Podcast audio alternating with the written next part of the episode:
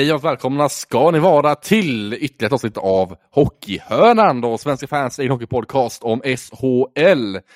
Tillsammans med Melker Wahlström och Andreas Lundskog och en vecka passerad med ödesmatcher, med viktiga topp 6-matcher och nu har Andreas bara två matcher kvar av säsongen är det, innan grundserien är över helt enkelt. Så det är många strider kvar att vänta, både i slutspelet av grundserien men också även i slutspelet också. Så Andreas, hur är känslan nu efter den här matiga veckan man säga, med många toppstrider och även bottenstrider och däremellan? Nej, herregud, nu går vi in på the final countdown av grundserien och det finns ju fortfarande jättemycket att, att spela om. Vi har en streckstid om topp 6, vi har en streckstid om de sista slutspelsplatserna och definitivt vi har ett eh, en, en, eh, vi är nästan så upphetsad så jag knappt kan prata, men vi har en streckstid om kvalet också, vem som ska hänga med Malmö där om playoutet, om det blir Brynäs eller HV71 efter den fullständigt nerv, nervpeshande matchen som var här i, i lördags där det fa äh, faktiskt hade kunnat vara tack och natt för, för Brynäs. Men har du skaffat sig lite mer kontakt och eh, nej, den här veckan är ju alldeles eh, fullsmäckad så att eh, enormt kul! Verkligen. Absolut, absolut. Men om vi börjar där då just det, det finns även Linköping kan även matematiskt hamna i kval också. Även fast en eh, sannolikhet är ganska liten. Så finns det ändå en sannolikhet att de ändå hamnar i kval. Eh, Linköping då, efter en mardrömsvecka och eller så. Men eh, vad tror du om det? Att Linköping skulle hamna i ett kval och det hade varit något speciellt om det hade inträffat. Ja, alltså nu kanske det är lika, lika stor chans som att eh, Leif GW Persson skulle vinna ett, ett maratonlopp. Eh, liksom. om man ska dra de, de liknelserna. Men, men samtidigt så, alltså Linköping har ju haft en fruktansvärt tung vecka och eh, dels det sportsliga där man gjorde, har gjort extremt dåliga insatser på senaste tiden och när, när liksom det såg ut att kunna bli slutspel och man har gått åt rätt håll och allting som vi har snackat om de senaste veckorna. Och så kommer en sån här riktig plumpvecka och där eh, dessutom eh, eh Linköpings VD Niklas Björkman tvingades, eh, eller tvingades, han avgick på, på um, självmant men efter, efter hot och trakasserier mot han och hans familj och det är ju fullständigt bedrövligt. Fullständigt bedrövligt. Jag förstår inte hur, hur vissa människor fungerar. Alltså, det, det är hockey det handlar om. Det är liksom hockey hockey och, och glädje och gemenskap som det ska vara handla om. Och så får en klubbchef utstå sånt här jäkla skit. Det, det är alldeles fruktansvärt och det svartar ju ner allt det här fantastiska som man har i, i, i övrigt. Så att, nej, fruktansvärt tråkigt för, för Linköpings del så. Nu tror jag inte att de kommer hamna i kval, även om det finns ju fortfarande chans som du, som du säger. Men, men eh, nej, det har ju inte varit, det har ju inte sprakat om Linköping direkt den senaste veckan, det kan vi inte säga. Nej, tre förluster på tre matcher för Linköping förra veckan då. Det blev en 6-2 torsk i tisdags mot Färjestad med 6-2 som sagt. Eh, en eh, 1-2 torsk i torsdags efter ordinarie tid mot Timrå hemma. Och en 4-3 torsk efter straffläggning mot bottenlaget Malmö i lördags då. Så det blev e- ett inka poäng för Linköping den här veckan av nio möjliga. Eh, en vecka som var präglad av eh, dåliga prestationer för Linköpings del och eh, en svajig defensiv kan man då minst sagt säga efter 11 i sitt mål, eller efter 12 i sitt mål den veckan. Så får man minst sagt säga att den var svajig minst sagt. Ja, då är det svårt att vinna hockeymatcher. Det jag, det jag tycker att man, man har släppt lite, det är just spelet framför egen kasse. Jag tycker att det är alldeles för enkelt. Vi såg det framförallt i Malmö-matchen där Malmö liksom hade nästan till en, en frigata rakt in. Eh, och det är inte bra liksom. Och jag trodde ju på Linköping att man ändå skulle liksom ta sig över det här och, och liksom eh, ja, men ta den här slutspelsplatsen, kunna andas lite ny energi. Men nu är man tillbaka till liksom ruta ett till en riktigt, riktigt, riktigt svag eh, spelmässig period här nu. Och, Ja, man har ju dessutom en riktigt dålig målskillnad. Liksom. Man har ju på samma målskillnad som både Brynäs och eh, Malmö faktiskt. Minus 28 på den kontot. Så att, nej, det är inte bra. Det, jag tycker man har tappat lite av den här goet, lite av den här eh, stabiliteten som man har haft tidigare. Nu tycker jag att det var enormt dålig lägstanivå faktiskt. Ja, men det känns som att det här trubbiga Linköping är nu tillbaka liksom. Det är ja, men det är svajigt, både offensivt och defensivt tycker jag, senaste veckan också. Inte bara förra veckan utan även veckan innan dess tycker jag också. Det man har fått lite för mycket, för mycket poäng med sig också. Liksom, man har haft många prestationer där man inte levererat men fått med sig en vinst eller ett, liksom, två poäng eller så. Eh, tidigare veckor också. Linköping är ett lag som har darrat liksom, lite till och från hela säsongen egentligen, men har haft lite, inom citationstecken, lite tur de har haft. Skulle jag säga att man ändå haft på vissa sätt med tanke på prestationen man har gjort under matcherna, men ändå fått med sig poäng från de matcherna där man inte varit lika bra som motståndarlaget. Eh, så det har varit ganska genomgående hela säsongen, så jag säga. Ett lag som alltid är i gungning kan man minst sagt säga. Eh, ett lag som nu har hamnat i situationen som man kanske i förra säsongen ändå tänkte på ett sätt att de skulle hamna, men vissa ansåg att de inte skulle göra det heller. Så Linköping är egentligen där, tillbaka på ruta ett, som säger att man är tillbaka där, liksom, att som var mittenlaget, mellanmjölkslag, även i år kanske då, utan slutspelsplats. Så Linköping är tillbaka på ruta ett och säger det, att de kanske är tillbaka där, att nu är de en mellanmjölkslag återigen ännu en sång, trots en ökad budget, trots liksom ny sportchef, ny budget eh, och eh, massa spela in med bra löner och så vidare. Så ja, det är väl ett Lidköping i gungning helt enkelt. Ja men det jag inte heller. Jag satt och tittade lite på statistik här nu på de senaste fem matcherna från Linköpings del. Man har alltså gjort 21, man har gjort, släppt in 21 mål på fem matcher. Man har gjort 11 på de fem matcherna. Men det jag tycker är ännu mer uppmärksammat det är att i de här matcherna, i de här fem matcherna, tre av dem, de har gjort första målet. Mm. Det tycker jag är jättemärkligt att det hänger ju liksom inte ihop. Varför kan man inte, man är liksom, det är, det är bara Färjestad som egentligen är bättre, Färjestad, Växjö och Skellefteå som är bättre sett till de senaste fem matcherna där att ta ledningen i matcher. Så det jag inte fattar är att blir man för bekväma eller liksom är jag, jag ger mig inte på det här laget egentligen. Jag tycker att tycker målvaktsspelet har sett darrigt ut. Jag tycker att eh, forwards levererar inte. Det känns som att det, det är bara en pyspunka rakt ut i, i eh, ja, rakt ut i, i, hela laget. Och det här tycker jag har varit Linköpings problem tycker jag under de senaste åren också. För jag tycker man har varit ganska så svaga i den absolut sista delen av säsongen också. När man har chans på play-in. Ja, verkligen. Man både inledde säsongen svagt och avsluta säsongen svagt och gör man också nu i Linköpings del. Uh, och som du säger där, liksom, det är svårt att leverera för dem i 5 mot 5 tycker jag framförallt. Där man har tagit ledningen i matcherna tycker jag. Så man får, för få spelare som kan liksom, driva detta lag framåt och som kan liksom, hålla uppe det här liksom, uh, ja, men spelet, att man liksom, tar ledningen och sen liksom, håller upp den mentaliteten att liksom, hålla ut och verkligen kriga för en vinst. Jag tycker jag saknar lite det här krigandet och lite så här smutsiga spelet från Linköping tycker jag man saknar lite någon. Jag tycker det känns lite för bekvämt emellanåt. Jag tycker man liksom inte offrar sig för varandra ordentligt heller. Uh, och så har man den här högsta nivån heller, tycker man har heller i Linköpings del, där man liksom på högsta nivå kan liksom driva matcherna och verkligen dominera matcher heller. Det har inte Linköping tycker inte ut. Man tycker man då ligger på en mellanmjölksnivå, även prestationmässigt också. Sett i spelet 5 mot 5 och även i powerplay och också en del också. Men framförallt spelet 5 mot 5 tycker jag har varit bristande ur hela säsongens sätt. Så det var Terry Rattrick och mål lite då och då, och så också Fanteberg ut något eh, bra positioner också, och Hulsen något mål också. Men mer så har jag Linköping fått ut av sina spelare egentligen. Det är ju Ja, jag tycker det är för svajigt där bakom liksom. Ja, alltså och ändå om man tittar till senaste fem, liksom Marcus Ljung har ju ändå levererat fem poäng på de senaste fem matcherna. Linus Ullström har levererat fem poäng på de senaste fem matcherna. Men det är ju defensivt som det har läckt som bara den. Alltså det, det är ju, oh. det är ju alltså Patrik Russell har minus sju på de senaste fem matcherna i, ja. statistiken. Det, det, tycker jag säger det, lite det mesta var man är på, på väg. Alltså, eh, det är många som har, har höga minussiffror på senaste matcherna. Och, nej, det här håller inte riktigt. Och jag ska nog säga att Linköping får nog vara glada att det bara är två omgångar kvar. För Brynäs och HV har ju fått upp lite fart här nu på senaste tiden. Eh, rejält. Så att hade det varit några omgångar till då tror jag Linköping hade suttit rejält i en eh, prekär sits faktiskt.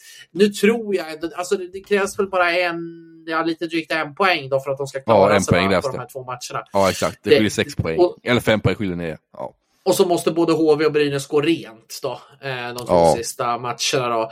Eh, och det tror jag inte att de gör. Eh, Brynäs har ju Oskarshamn på i avs Nej, Nej HV har det. Nu är det jag, HV, jag som ja. sitter och kollar på gamla statistiker. Ja, exakt. På den gamla SHL-sidan.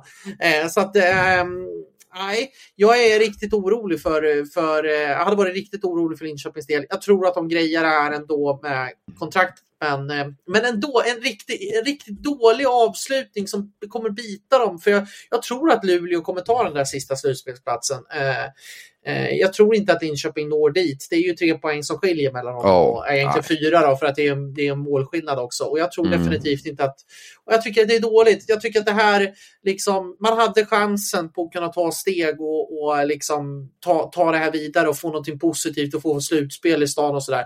Och så gräver man bara ner sig fullständigt när det gäller som mest.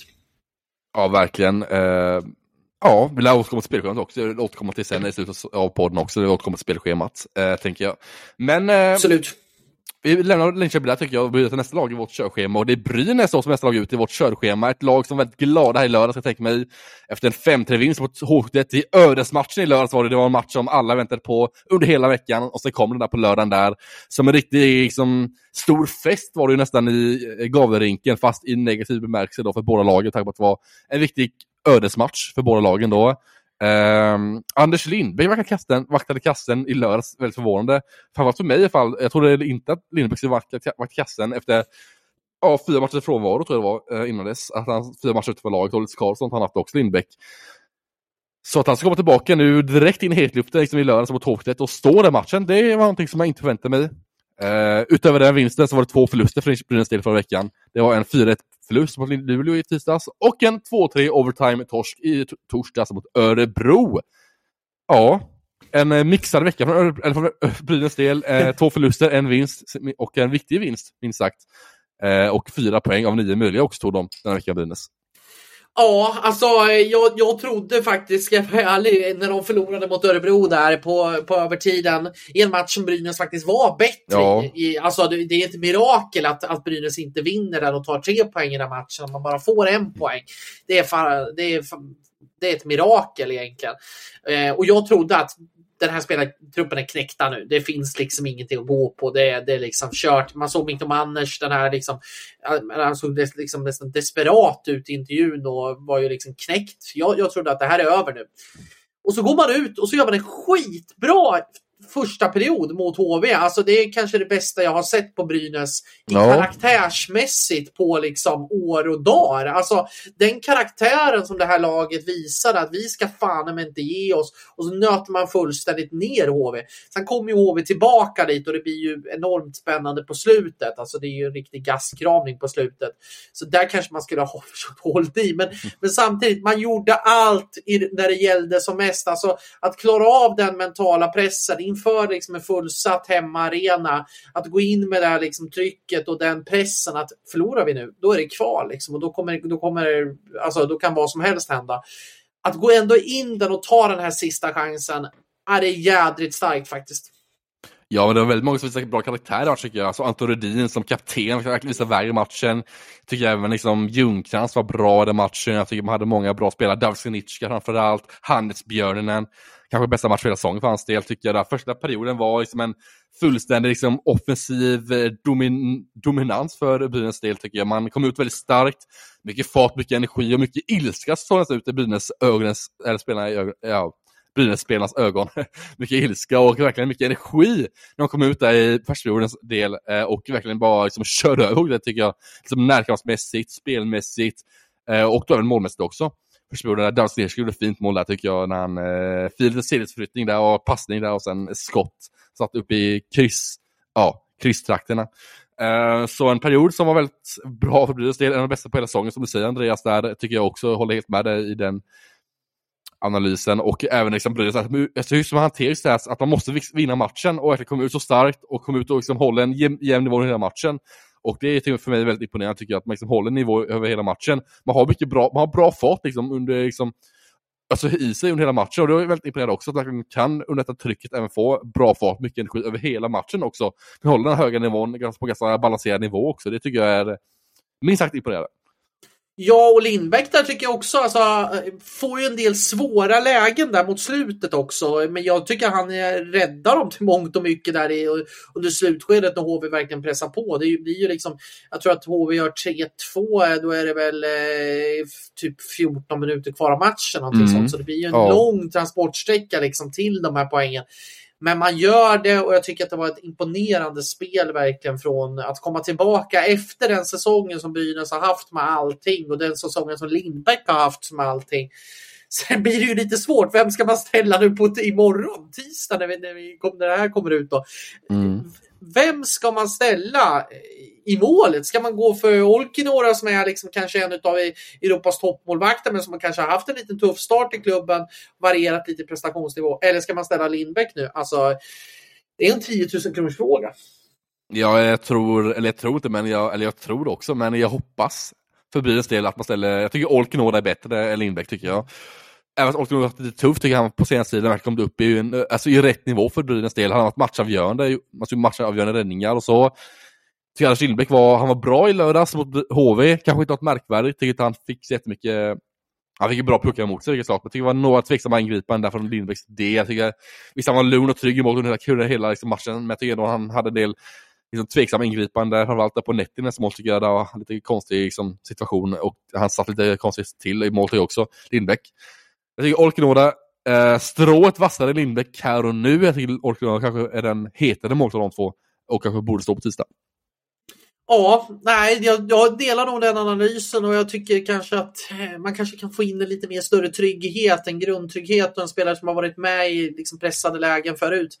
Men den här matchen mot, mot eh, Timrå, den, det kommer bli hur viktigt som helst. Liksom. Eh, det är, kommer få sitta med två tv-skärmar här nu mm. de två kommande omgångarna. Eller blir nog så många tv-skärmar man kan sätta upp här i vår kommandocentral som man har här hemma. Så att, jag, kör, jag kör tre varje match. Tre skärmar har jag, så jag kollar tre matcher samtidigt. Ja, det, är ju, det är perfekt alltså. Jag körde två här nu faktiskt i helgen. Ja. Det blir nog, eh, imorgon ska jag faktiskt på plats på Örebro så då blir det lite svårt. Men då blir det väl att få ha i mobilen eller någonting. Då får man ja. ha datorn och mobilen. Så att då blir det väl tre matcher. Men, men i alla fall rent spelmässigt så tycker jag att Brynäs höjer sig. Nu gäller ju på något sätt att Brynäs måste nollställa sig dock. Att man ändå liksom att man tar med det positiva, man tar med poängen, man kunde släppa axlarna lite. Men nu gäller det också att nollställa här nu fram till den här veckan och verkligen bara köra järnet här nu. Man har ju inte allting riktigt i egna händer heller eftersom HV har en bättre målskillnad va? Ja, exakt. Ganska markant efter målskillnad också. Typ, mm. Ja, det skiljer ganska mycket så det är svårt att få ta in just den målskillnaden kanske. Men det är poängmässigt som det står mellan nu. Det står poängmässigt mellan Brynäs och HV nu. Det är... HV har snäppet, eller snäppet tuffare schema, så jag säga att HV har. Men Brynäs har också tufft schema. Men vi kommer återkomma till det senare också, hur, hur schemat ser ut så, i slutet av podden. Absolut. Jag. Men nu lämnar vi Brynäs och blickar upp tabellen mot tabellettan Skellefteå som har haft en vinst, två förluster veckan. En ganska sisådär vecka för Skellefteås del, präglat av väldigt få mål i matcherna också, ser här. 0-2 vinst i tisdags mot Frölunda borta där, en 1-2-torsk efter overtime i derbyt mot Luleå. Eh, och sen 1-0-torsk mot Färjestad i lördag, så har det varit väldigt få mål veckan för Skellefteås del, både framåt men bakåt också. Eh, och det är framförallt framåt som man haft lite tufft den här veckan. Det har gjort endast tre mål på tre matcher den veckan för Skellefteås del och då är det svårt att vinna mer än en match. Eh, så, men ändå en bra vecka för Skellefteå får man säga. Så här, man, visst, det är tuffa matcher, det är uddamålsförluster liksom. Jag kollade på Skellefteå-matchen här i lördags mot Färjestad. Det var väldigt decimerat Färjestad var det med tio forwards i spel. Eh, och är väldigt decimerat Färjestad med mycket sjukdom och skadefrånvaro där helt enkelt. En match där Färjestad verkligen stängde ner Skellefteå tycker jag i den matchen i lördags. Alltså, Skellefteå har inte mycket läge, inte Skellefteå. Det var några farliga lägen där Jonas Jonsson hade ett bra läge där, framförallt då för den höger cirkeln där i offside zon. Han fick något bra skott, där, eh, men Tomkis gjorde en bra match för, eller för Färjestads del och spikade igen Eh, i målet. Och jag tycker Färjestad gjorde en väldigt, väldigt bra match och gedigen match över hela liksom, 60 minuter.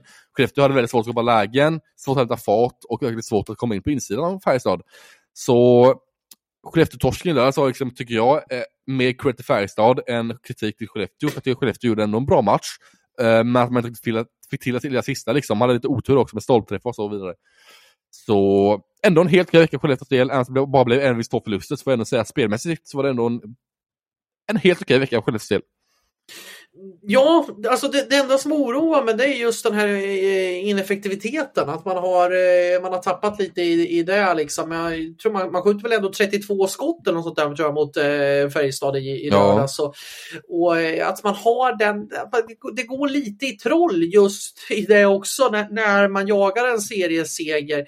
Nu vet jag inte hur, hur Färjestads, eller hur Skellefteås tränar, träningssituation ser ut om man liksom bygger upp sig nu inför slutspelet spelet och kanske kör lite extra hårt och sådana saker. Men samtidigt, det är en miljon tror jag som ligger i potten här nu. Mm. Eh, och just att man har den skotteffektiviteten som inte riktigt är, alltså om man tittar på de tre senaste matcherna här nu så ligger deras skotteffektivitet på, eh, ja det är 3,45 procent. Man gör alltså man gör alltså tre mål på 87 skott på de senaste tre matcherna. Mm, det är inte mm. riktigt eh, godkänt. Eh, Eh, nu kan det ju bara vara en, vara en liksom dålig svacka, en liksom dålig trend. Men ja, lite att det kommer i det här läget just när eh, man ska göra upp på seriesegern. Det kan bita sig faktiskt i, i slutändan, skulle det kunna göra.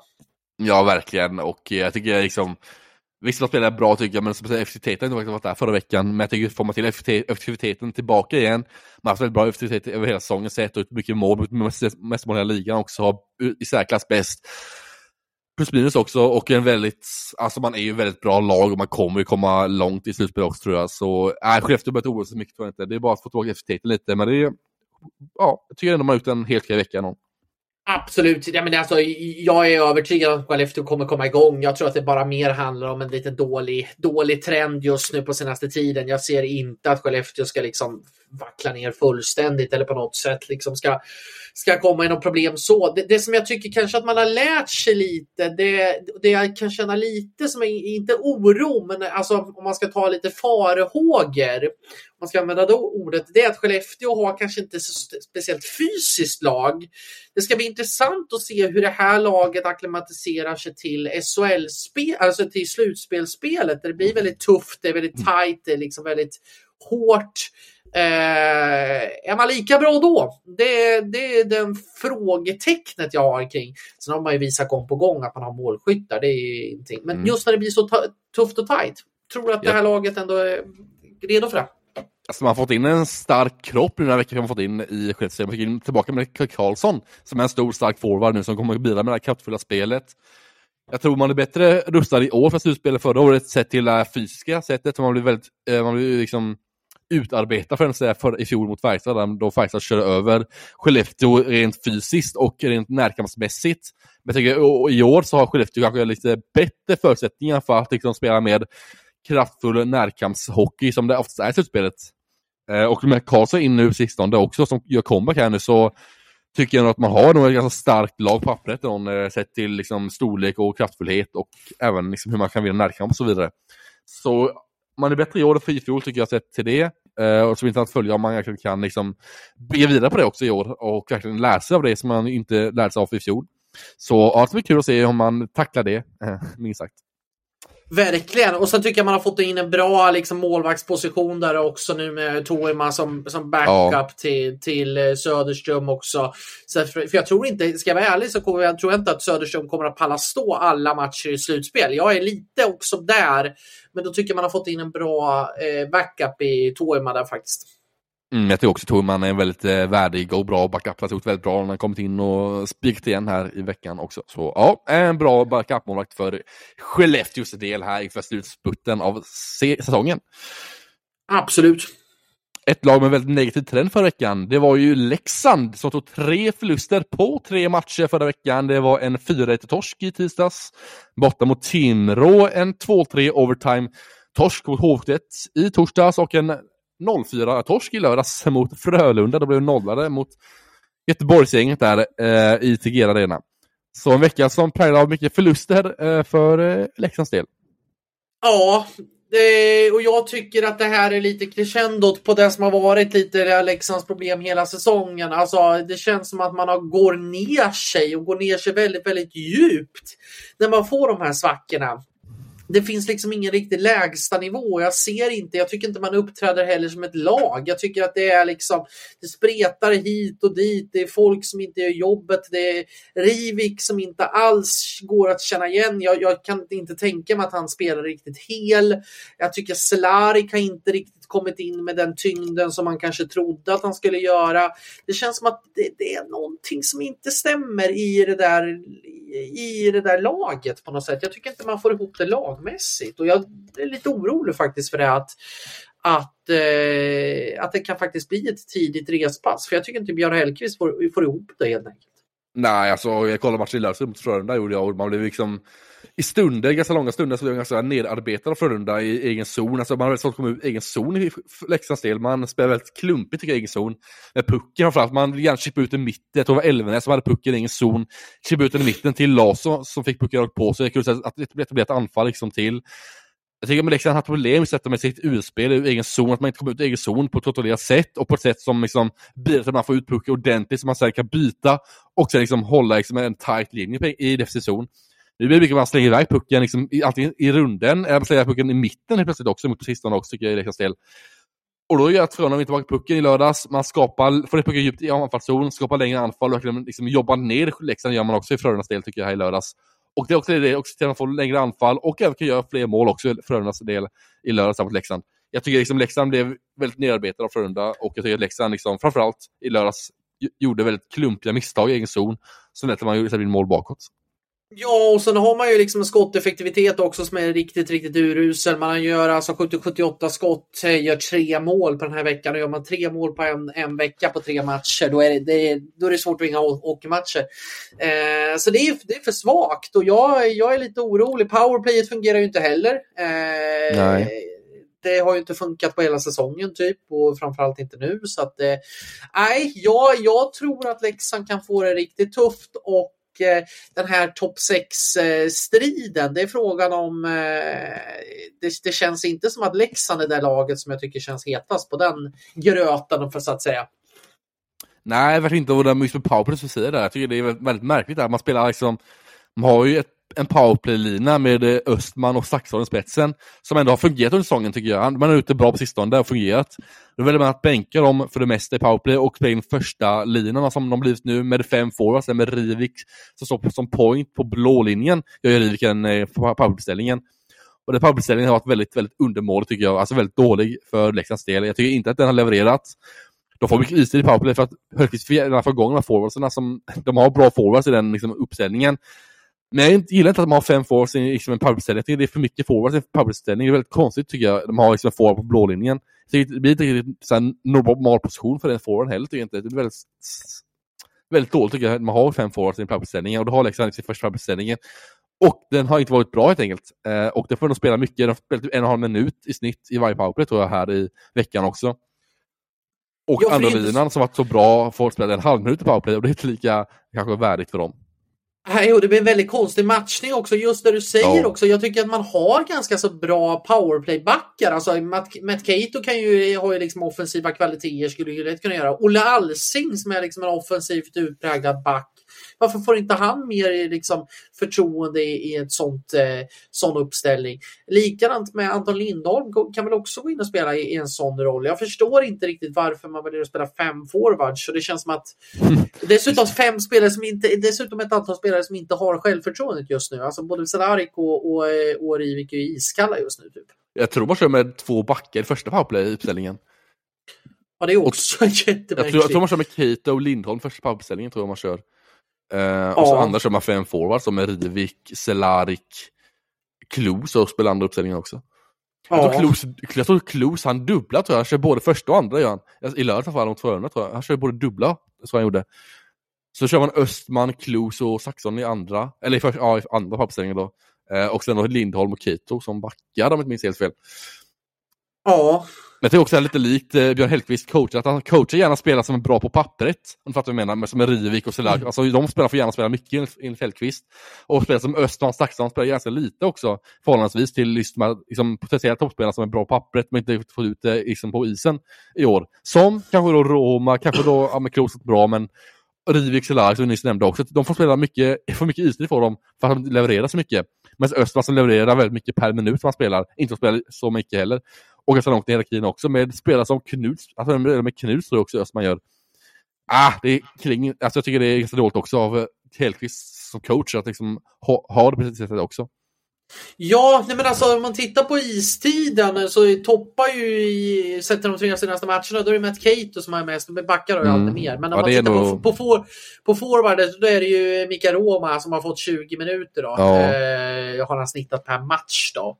Eh, det är mycket alltså fan tycker jag. Det är väldigt, väldigt mycket. Eh, och sen så är det Justin Clues då, på 18. Mm. Eh, Oskar Lang får runt 19.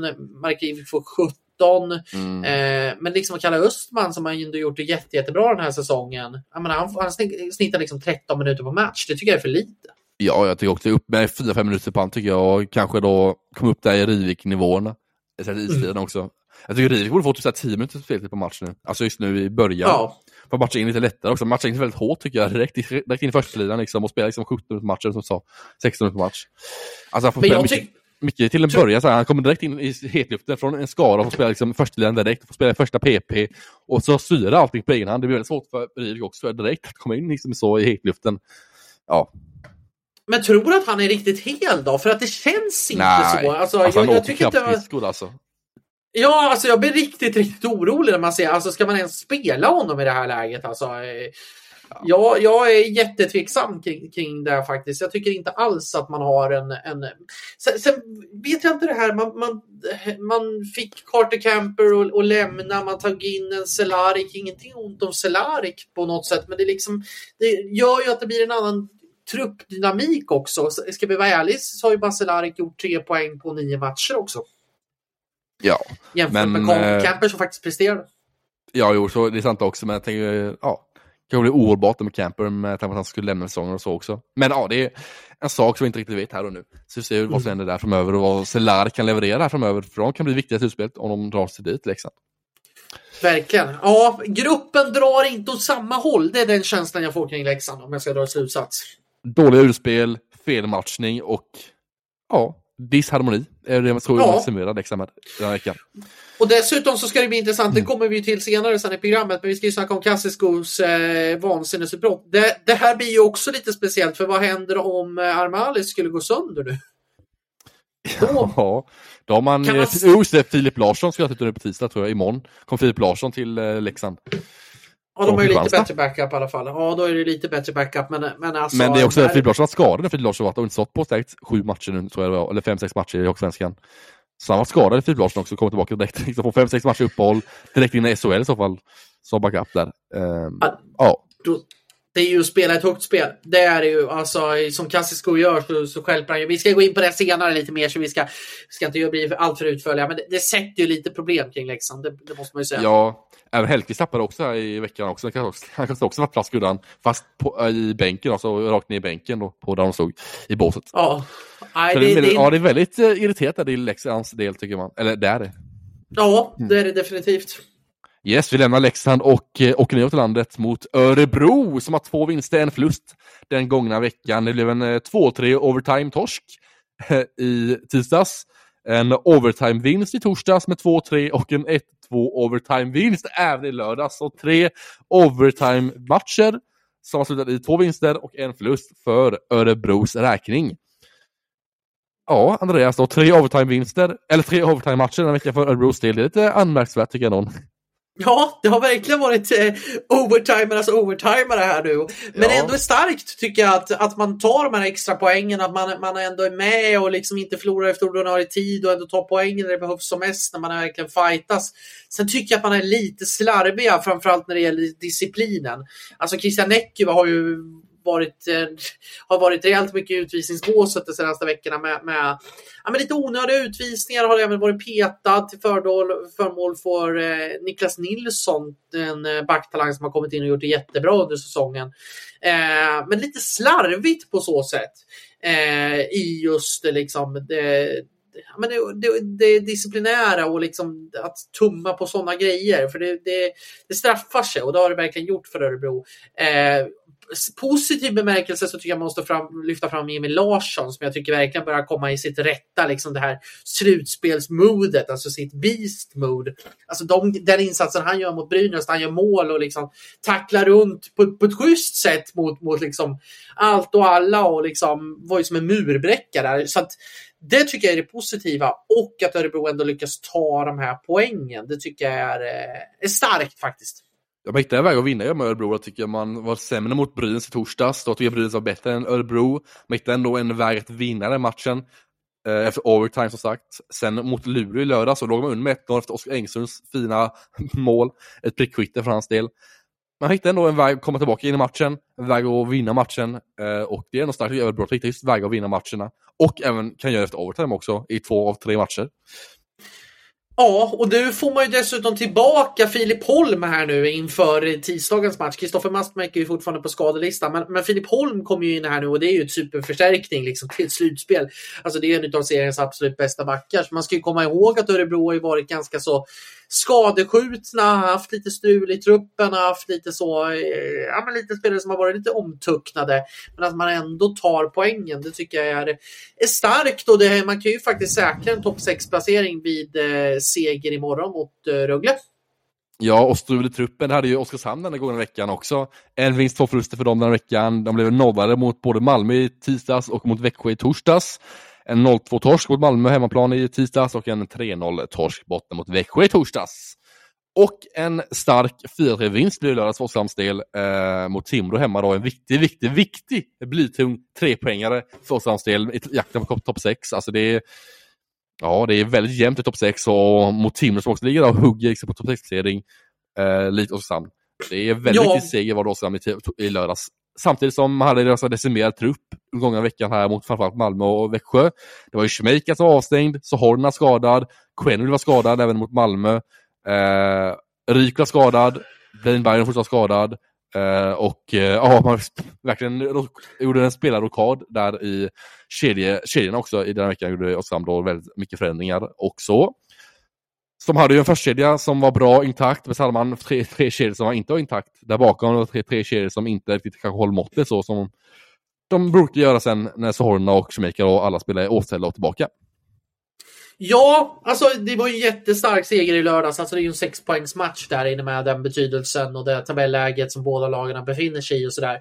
Eh, det jag är lite orolig för, det, det är frågan hur, hur, många kommer man kunna få tillbaka till den här veckan? Det är ju liksom nyckel. För att skulle man säga så här att Oskarshamn behöver ställa upp med den här typen av skadelistan i ett play-in, då tror jag det kan bli rejält tufft faktiskt att ens gå vidare. Eh, får man tillbaka folk till ett slutspel, om man klarar av den här och tar den här topp 6-placeringen, då, då, är det ju ett helt annat utgångsläge. Alltså det blir ett helt annat, man har ju mycket, mycket större chans att vinna med de här nyckelspelarna. För man har ju en ganska så tunn trupp. Alltså när spelare av den här kalibern är borta, då märks det ju ganska tydligt. Även om det var starkt att vinna i lördags. Ja, men Jamaica kom in i lördags till sin avstängning här och gjorde ett stort intryck direkt, ett stort avtryck direkt i den matchen mot Timrå i lördags och gjorde, var en viktig spelare i den matchen. Man såg också alltså hans betydelse för just den här kedjehierarkin. Nu fick vi ihop liksom fyra bra kedjor med Jamaica in för man var tvungen att liksom, nu är man liksom alla rätta positioner igen i kedjehierarkin också.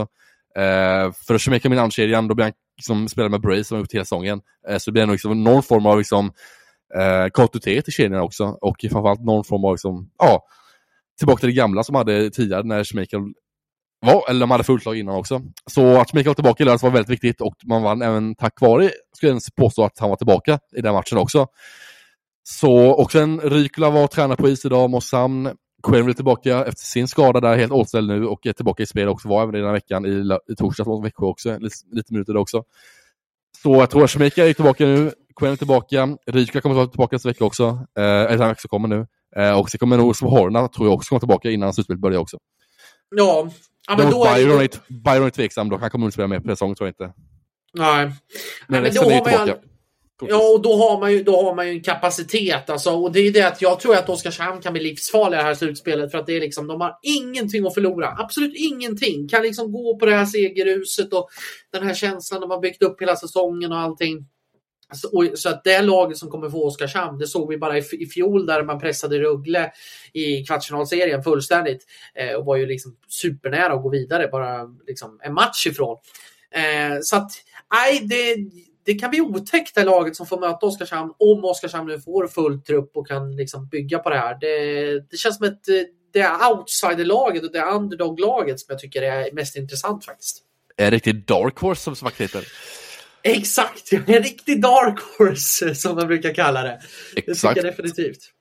Man mötte Timrå i lördags, Oskarshamn och Timrå är nästa lag ut och de har två vinster, en förlust eh, förra veckan, en 4-1 vinst mot Leksand i tisdags, en 1-2 vinst borta mot Linköping i torsdags och efter två raka vinster så blir det för mycket för Timrås del då de torskar i lördags mot Oskarshamn med 4-3 i jakten på topp 6.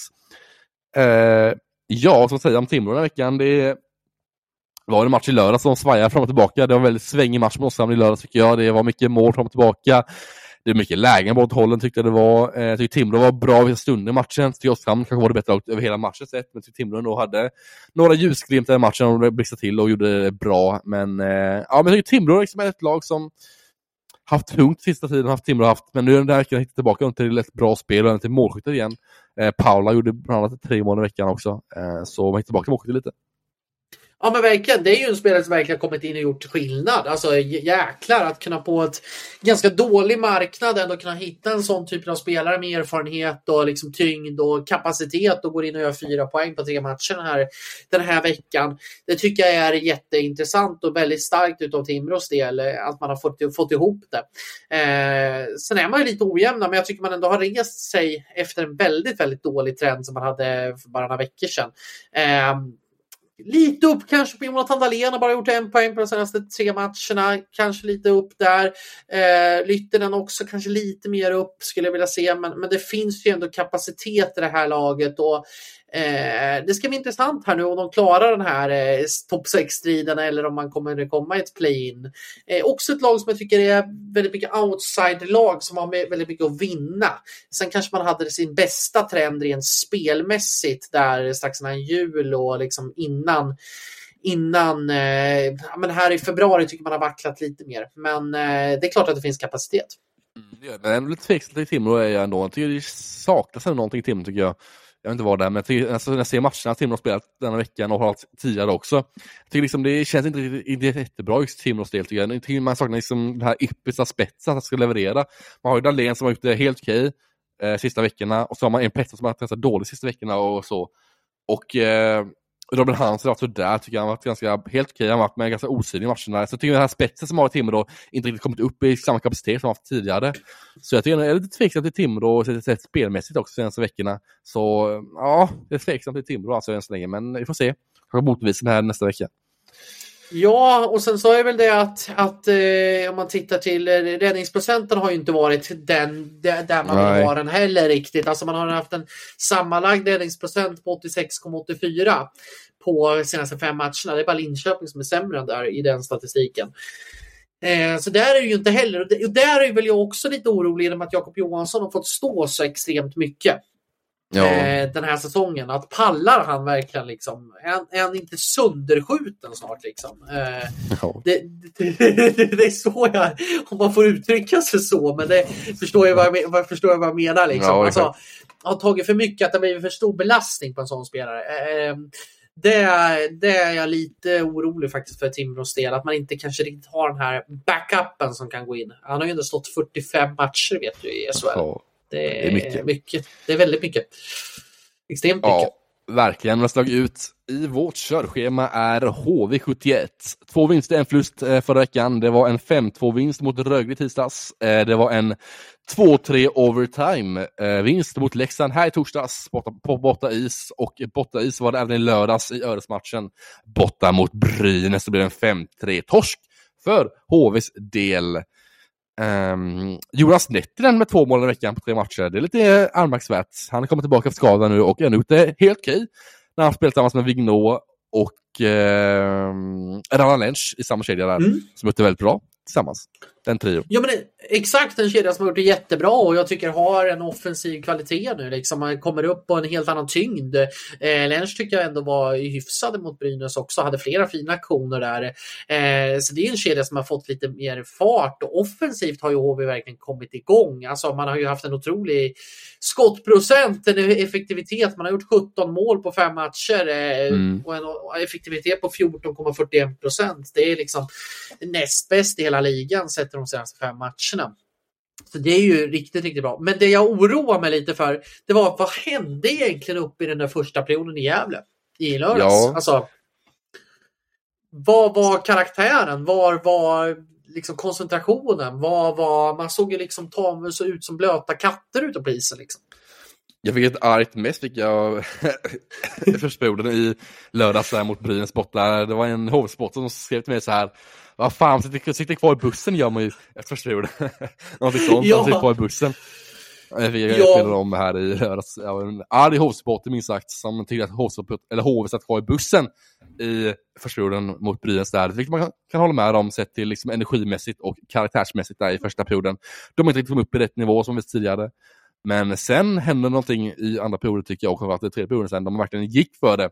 Och vi gjorde två samma mål där. André Petrus gjorde mål och Enemir gjorde mål också.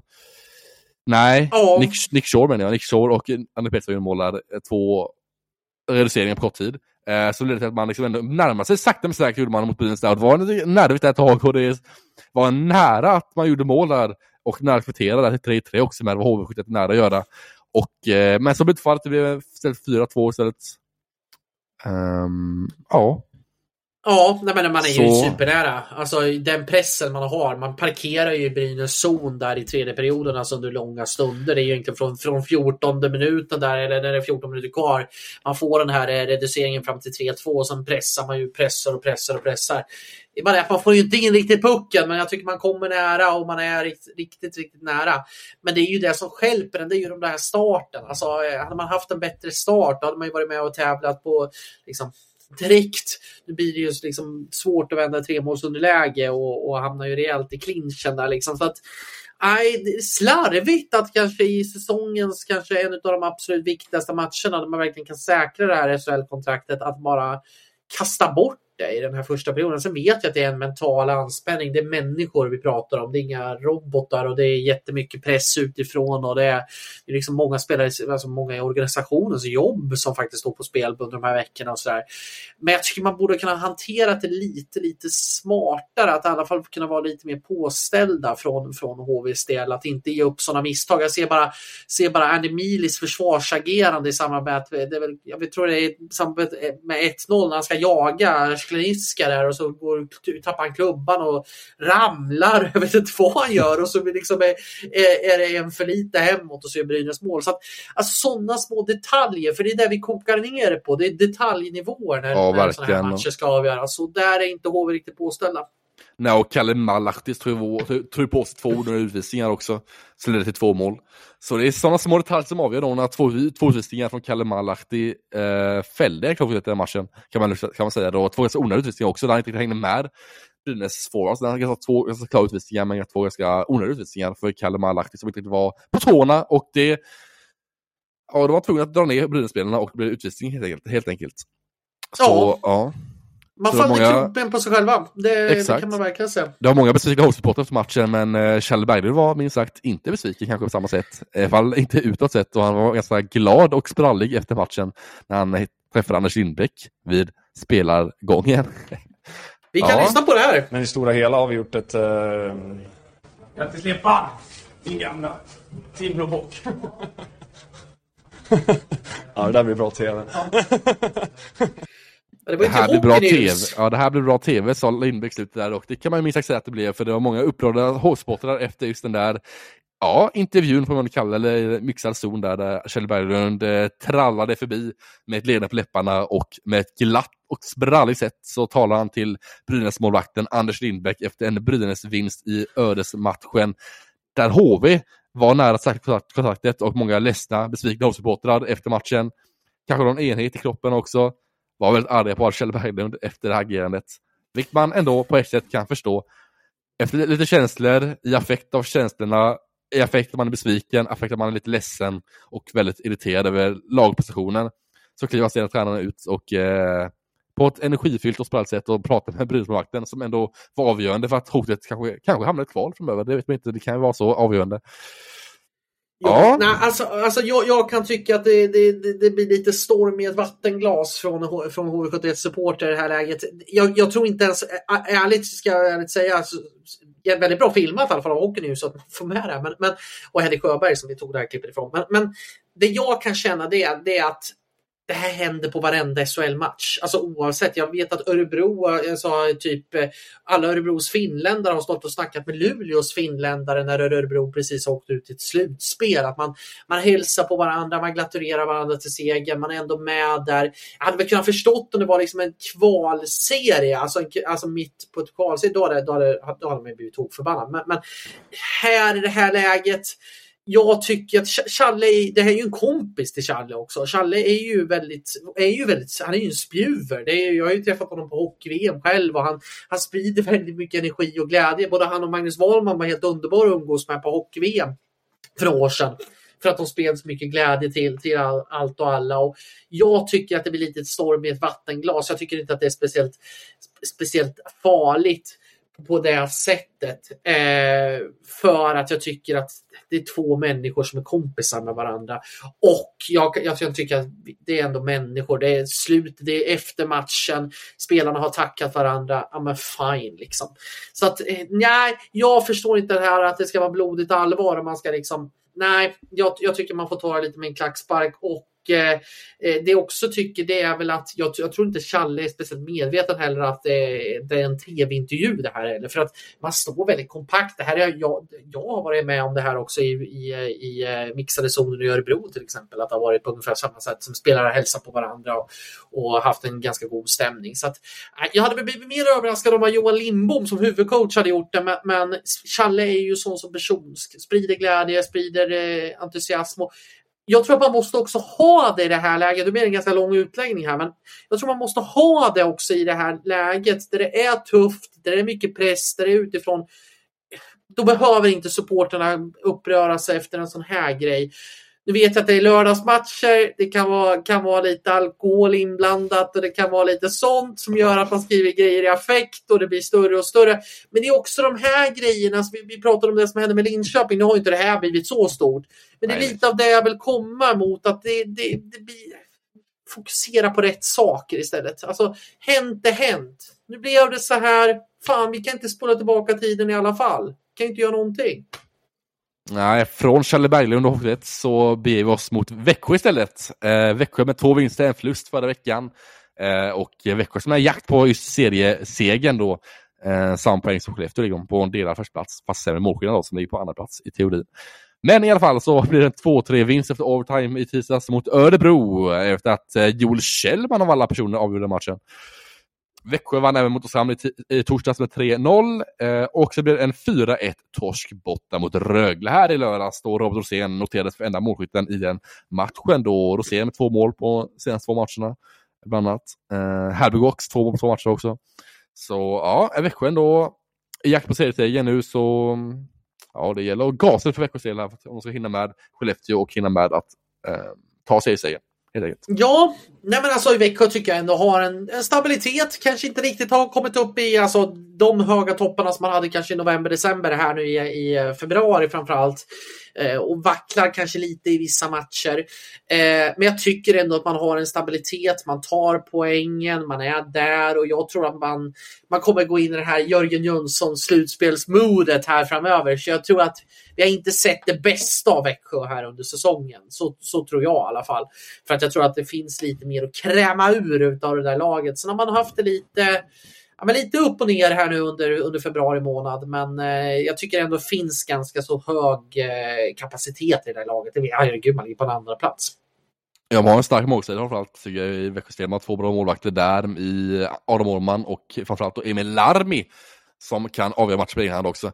Eh, som i torsdags mot Fram då avgjorde ju, eller avgjorde, men eh, då gjorde Larmi en väldigt bra match. tycker Jag håller nollan där också och gjorde väldigt många fina räddningar. Och eh, Växjö tycker jag är ganska så, ganska så bleka över, alltså om man kollar overall på den matchen mot Oskarshamn i torsdags, Växjö liksom var 3-0. Men det är också det är väldigt decimerat Oskarshamn gjorde de också med liksom så här fem, sex, eller med fem spetsspelare borta liksom.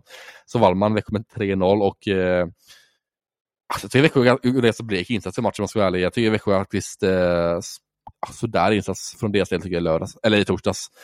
Tycker man liksom väldigt så sega i spel. Tycker man väldigt sega som lag i Växjö i torsdags. Tycker man spelar så, så sakta sitt spel. Tycker man liksom inte hade klicket i, i sitt passningsspel heller i den matchen. Och jag tycker liksom, ja, det var ganska slumpartade mål också till vissa del. Till viss del också. Rob Rosén framförallt första målet där som han sköt på Osamskridskon och in där. Det var väldigt, väldigt lite lucka. Som det, det, det målet händer liksom en av hundra gånger händer det målet. Så alltså, lite slumpartade mål och jag tycker väldigt blek insats från Växjös del i torsdags. Ja, alltså man spelar ju inte bäst hockey Nej. i SHL. Alltså tittar man rent spelmässigt så tycker jag inte att Växjö är den liksom som spelar kanske den alltså, det här är ju också smaksak vad man tycker är bäst hockey, men om man säger, ser till liksom underliggande siffror och sådana saker, då är ju inte Växjö på något sätt bäst i, i själva spelmomenten. Men man har någon, någon förbannad förmåga att kunna ta poängen då på något sätt. Liksom. Frågan är hur, hur långt det kommer att hålla en slutspel. Eh, man har en Jörgen Jönsson som har enorm erfarenhet från just det, att vinna, sätta en vinnarkultur. Man har spelare som har varit med tidigare, som Robert Rosén bland annat. Eh, Larmi har väl också vunnit tror jag i, ja, i Finland. Ja. C, ja, i Finland och CHL tror jag också. Va? Eh, och, eh, ja, och, så man har ju spelare som har vunnit förut. Men det är frågan om kommer liksom, jag tycker att Skellefteå spelar kanske en bättre hockey än vad Växjö gör. Alltså det är sällan jag, alltså jag tycker att Växjö är dominanta som lag, alltså efter en match. Alltså Färjestad, Frölunda till viss del, Skellefteå framförallt och sådana lag tycker jag ändå kan visa på dominans i matchen, att de kontrollerar spelet liksom över hela isen i 60 minuter. Ja, inte stort 60 minuter exakt, utan kanske större del av matchen framförallt och större mm. andel av matchen. Så dominerar de matchen, framförallt då Färjestad, Sjölunda, Skellefteå. Men alltså, sällan jag säger att Växjö dominerat en match liksom, efter de har spelat och vunnit matchen. Så sällan de dominerar matchen tycker jag inte. Det är väldigt så här, blanda och ge lite under matchen tycker jag också Växjö gör. De gör en bra första period, sen kommer en andra period och gör lite sämre. Hur sällan liksom dominerar fullständigt liksom, i överhängande del av matchen. Det är det jag tycker med Växjö, att de saknar lite där dominansen i sitt spel. Nej, det man är superstabila det är ju på målvaktsspelet. Alltså man släpper ja. sex mål på de senaste fem matcherna och har ju 94 i räddningsprocent. Eh, det är ju någonstans där som grunden sätts eh, för Växjös del tycker jag faktiskt. Släpper till väldigt få skott i skottsektorn också. Man, man har bara släppt in 65 skott i skottsektorn. Eh, och det är man ju bäst på liksom, i, sett till de senaste fem matcherna. Titta på Malmö eller, eller Färjestad som har släppt 130 skott i skottsektorn. Så där är man ju, där är man ju, man är ju kliniska i det defensiva arbetet. Ja. Och man har ju kanske seriens absolut bästa backsida skulle jag nog säga. Mm. Så att eh, där är man ju urstarka. Det är ju offensivt som jag tycker det känns lite väl trubbigt. Eh, där man kanske måste försöka få ut för att eh, eh, det, det, ska bli intressant att se om man kan på något sätt varva upp det här en nivå till. Eh, för om man tittar på om man tittar på liksom mm, poängstreaken för spelare så är liksom Kalle Kossila har fått en liten dipp här nu efter att ha gjort det jäkligt bra. Tappat kanske lite lyftkraft. Man har Robert Rosén som gör kanske sin bästa SHL-säsong någonsin. Men jag saknar det här riktiga, riktiga spets, spets, spets eh, kvaliteten. Jag tycker varken Halbewax eller eh, Blischfeld är riktigt de typerna av spelare. Nej, jag håller helt med där. Och vi lämnar Växjö med de, med de orden och vi till Färjestad som jag slog ut med tre matcher, tre vinster. För Färjestad en väldigt imponerande vecka med många bortfall eh, och skador från var och så har man ändå lyckats hitta vägar att vinna i samtliga tre matcher. Det var en överkörning i tisdags med 6-2 hem mot Linköping. Det var en 4-2 vinst borta mot Rögle i torsdags eh, och sedan var det 0-1 vinst borta mot Skellefteå i lördags och Patrik Lund gjorde matchens enda mål. Eh, ja. Väldigt bra, eller väldigt bra vecka av eh, Färjestad med tanke på deras bortfall och decimerat lag och mycket skador från var och sånt. Så har Joakim Ny åkt ut fram. Oskar Lavn ute bra. Framförallt Lukas Forsell ut väldigt bra också tycker jag. Och eh, Brandon Davis framförallt då med sitt eh, uppoffrande defensivt spel. Och han har verkligen varit en injektion detta Färjestad sen han kom in på Deadline Day. Ja, snacka om en jättebra nyförvärv. Jäklar vad han har levererat liksom, i det defensiva jobbet och gör det så kallade grovjobbet. Liksom. Alltså, där har man ju verkligen hittat rätt. Och lite av den backpjäsen som jag tycker Färjestad kanske har saknats. Eh, lite av den här defensiva kuggen. Så där har man ju fyndat jättebra på en väldigt, väldigt torr marknad. Och där ska Wallin ha enorm cred. Och sen offensivt, ja, men då är det ju den här bredden som vi har pratat, pratat om mycket tidigare alltså, under säsongen. Färjestad har ju haft enormt skadeskjutet lag och man, det känns som att man inte har haft ett helt lag på hela säsongen. Nej. Det känns som att man har klippat och klistrat och tagit in spelare hit och dit. Och, och Forsell som har haft en liksom explosiv utlå, äh, efter en utlåning till, till BIK Karlskoga var det liksom explosiv i, och visat sig prov på att hålla på SHL alldeles utmärkt. Så det är just den här bredden, att den faktiskt finns och att den levererar något enormt i Färjestad. Plus att jag tycker att målvaktsspelet också har steppat upp. Ja, jag håller helt med den analysen. Ehm, och ja, har inget mer att tillägga om Färjestad heller. Nej, så. det kuppar på gör de. Jag tror ja. att de, de, deras placering är väl mer eller mindre De är klara topp 6 de. Ja, de är klara ja, topp 6 så, så är det också. Så det är grattis till Färjestad där för topp 6-placering. Och tredjeplatsen är väl näst till säkrad också. Inte matematiskt ja. kanske, men teoretiskt är det nästan säkrat för Färjestad att komma topp 3 i ligan. Jo. Och det innebär ju 50 i kvartsfinalen. Ja. Exakt, och Löfbergs eh, arena som är också är fantastiskt där i slutspelet också. Så det, det, det ska bli kul. Eh, det jag också tycker är att är, man får ju också tid nu för att kunna recovery på en del spelare. Henrik Björklund är tillbaka här nu, eller på väg tillbaka såg jag i alla fall efter sin hjärnskakning här nu. Så det är ju också en jätteviktig injektion att man får spelare tillbaka. Det är oerhört viktigt. Jag säger så här, spela inte Björklund nu de här två matcherna. Låt dem vila två matcher. Nej. Exakt. Var, var inte exakt. snabba nu för en gångs skull att spela som han spelar. För de kommer skada sig igen i så fall om man spelar för snabba. Så jag tycker, håll ut nu. Det är två matcher av säsong här. Ni ligger liksom topp tre. Ni kommer sluta trea, max fyra. Inte sämre så. Så håll i liksom hästar, håll, håll your horses som det sagt heter. Håll i liksom hästarna och verkligen ta det lugnt med de här spelarna som kommer tillbaka och inte bli för överambitiösa när det kommer de här skadorna när de kommer tillbaka nu. Låt dem liksom ta en liksom, extra match ändå och komma tillbaka i lugn och ro till träning. Och sen inför, inför slutspelet verkligen komma i rätt form och verkligen komma in med bra energi och med hel kropp framförallt. Ja, för man får ju en hel vecka och recovery liksom. Man Ja. får ju en hel vecka och kunna liksom bygga upp ännu mer och tyngd och sådär. Så att stanna här nu. Låt inte honom beträda isen här nu på matcherna här nu. Nej, det var uppmaning, uppmaning till Färjestad och till tränartrion. Absolut, absolut. Nästa lag ut är Rögle som tog en vinst, två förluster den föregående veckan. Det blev en 5-2-torsk mot HV 71 i tisdags. HV i tisdags. Eh, en eh, 4-2-torsk borta mot eh, eller hemma mot Färjestad i torsdags och en 4-1 vinst hemma mot eh, Växjö i lördags. Så man två raka förluster i början av veckan och avslutar veckan med en vinst hemma mot Växjö. Andreas, vad tycker du om eh, Rögles vecka här? Då? Ja, men lite tillbaka av det här Rögle som jag inte- har sett så mycket på hela säsongen egentligen. Alltså ett Rögle som, som spelar med den här tyngden, kraften, passionen, energin. Jag tycker att Rögle ändå försöker hitta lite mer rätt. Framförallt så tycker jag man var jäkligt bra i lördags här nu när man också tar en stark seger. Jag tycker att Dennis Everberg som också har kommit in nu, är extremt viktigt att få in honom. Ja, det är verkligen, man ser verkligen tyngden som han ger över där till Rögle och eh, ja, Rögle är också fortfarande väldigt upp och ner lag är de ju, men de är fortfarande liksom eh, de är i stort sett klara för slutspel, är de. topp 10-placeringen och i stort sett klara för play-in, eh, Rögle. Men topp 6-placeringen Ja. är väl ja, bottenräknad för deras del i sex poäng upp till topp 6 och det är väl nästan till kött. Tack på deras målskillnad och tack vare att bara två matcher att spela också är väl topp 6-placeringen ett minne blott för deras del, utan det är play-in som gäller nu för Rögles del och ta en bra play-in-plats, en eh, åttonde eller sjunde plats är väl det man satsar för. Satsar på. Ja.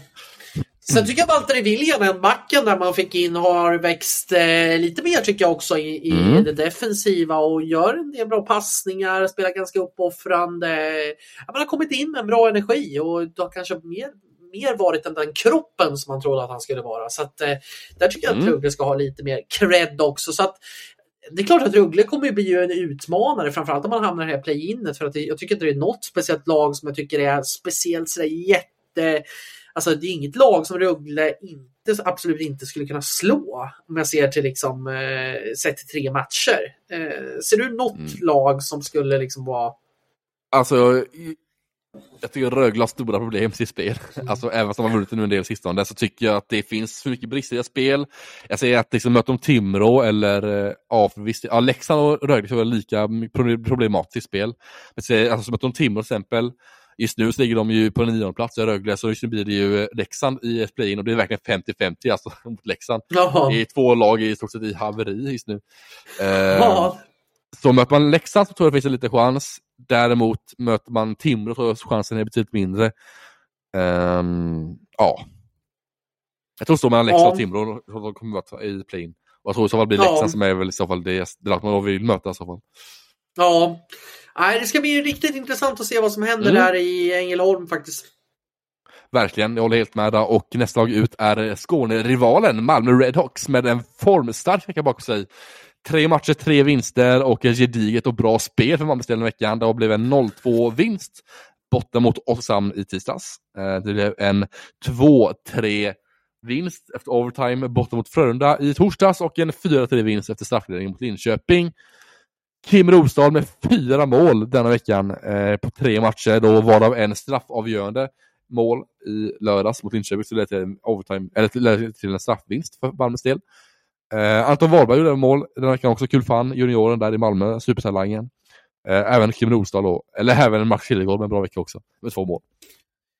Ja, och jag tycker att Malmö gör eh, mycket, mycket, mycket rätt nu faktiskt. Jag tycker man har höjt sitt spel markant. Jag tycker man har hittat sätt att vilja mer, att hitta sätt att vinna matcher på ett helt annat karaktär. Och det är lite av det här tunga, tuffa Malmö. Och det brukar ju vara så här, tålamod vara längst. Och jag börjar nog känna här att shit alltså, kvalet är ju spikat, men alltså den inställningen som Malmö ändå kommer gå in med nu fram till att man ändå haft den här nivån och ändå kunnat mäta sig med de här lagen. Och alltså det är bra lag man har slagit också. Där tycker jag man kommer bli livsfarliga i kvalet. Kan man gå in med den karaktären, man har liksom köpt det här. Det kommer inte alls vara samma som att man faller på målsnöret som det kommer bli för, för HV Brynäs eller ja, då Linköping om det skulle vara riktigt långt. Men det blir ju inte som att man faller på målsnöret att åh, vi var så här nära, utan Malmö har ju kunnat liksom fokusera på att det kommer bli kval nu får vi köpa det, nu gör vi det bästa, nu tar vi den här gruppen samman. Man har inte gjort några tränarbyten, man har inte gjort några större, större förändringar. Man har mer förändrat saker och ting i spelet och haft lite mer tålamod. Sen är det ska bli intressant att se, gjorde man det för sent? Skulle man ha agerat om man varit för passiva? Eller är det att tålamod vara längst? Det är det som ska bli intressant att se fram till det här kvalet nu. Men man går in med en positiv inställning. Ja, det var verkligen. Det är liksom, sen, sen de liksom gav upp eh, den här chansen att hålla sig kvar i SHL så har man tagit väldigt mycket vinster och framförallt ett väldigt bra spel. Det är som man säger, att om de spelar avslappnat i Malmö, då är de väldigt bra lag. De spelar avslappnat utan någon större press på sig. Nu är det bara liksom spela av de matcherna kan man säga, då, inom situationstecken då, eh, som är kvar åtstånd av grundserien innan det blir det riktiga kvalet. Liksom.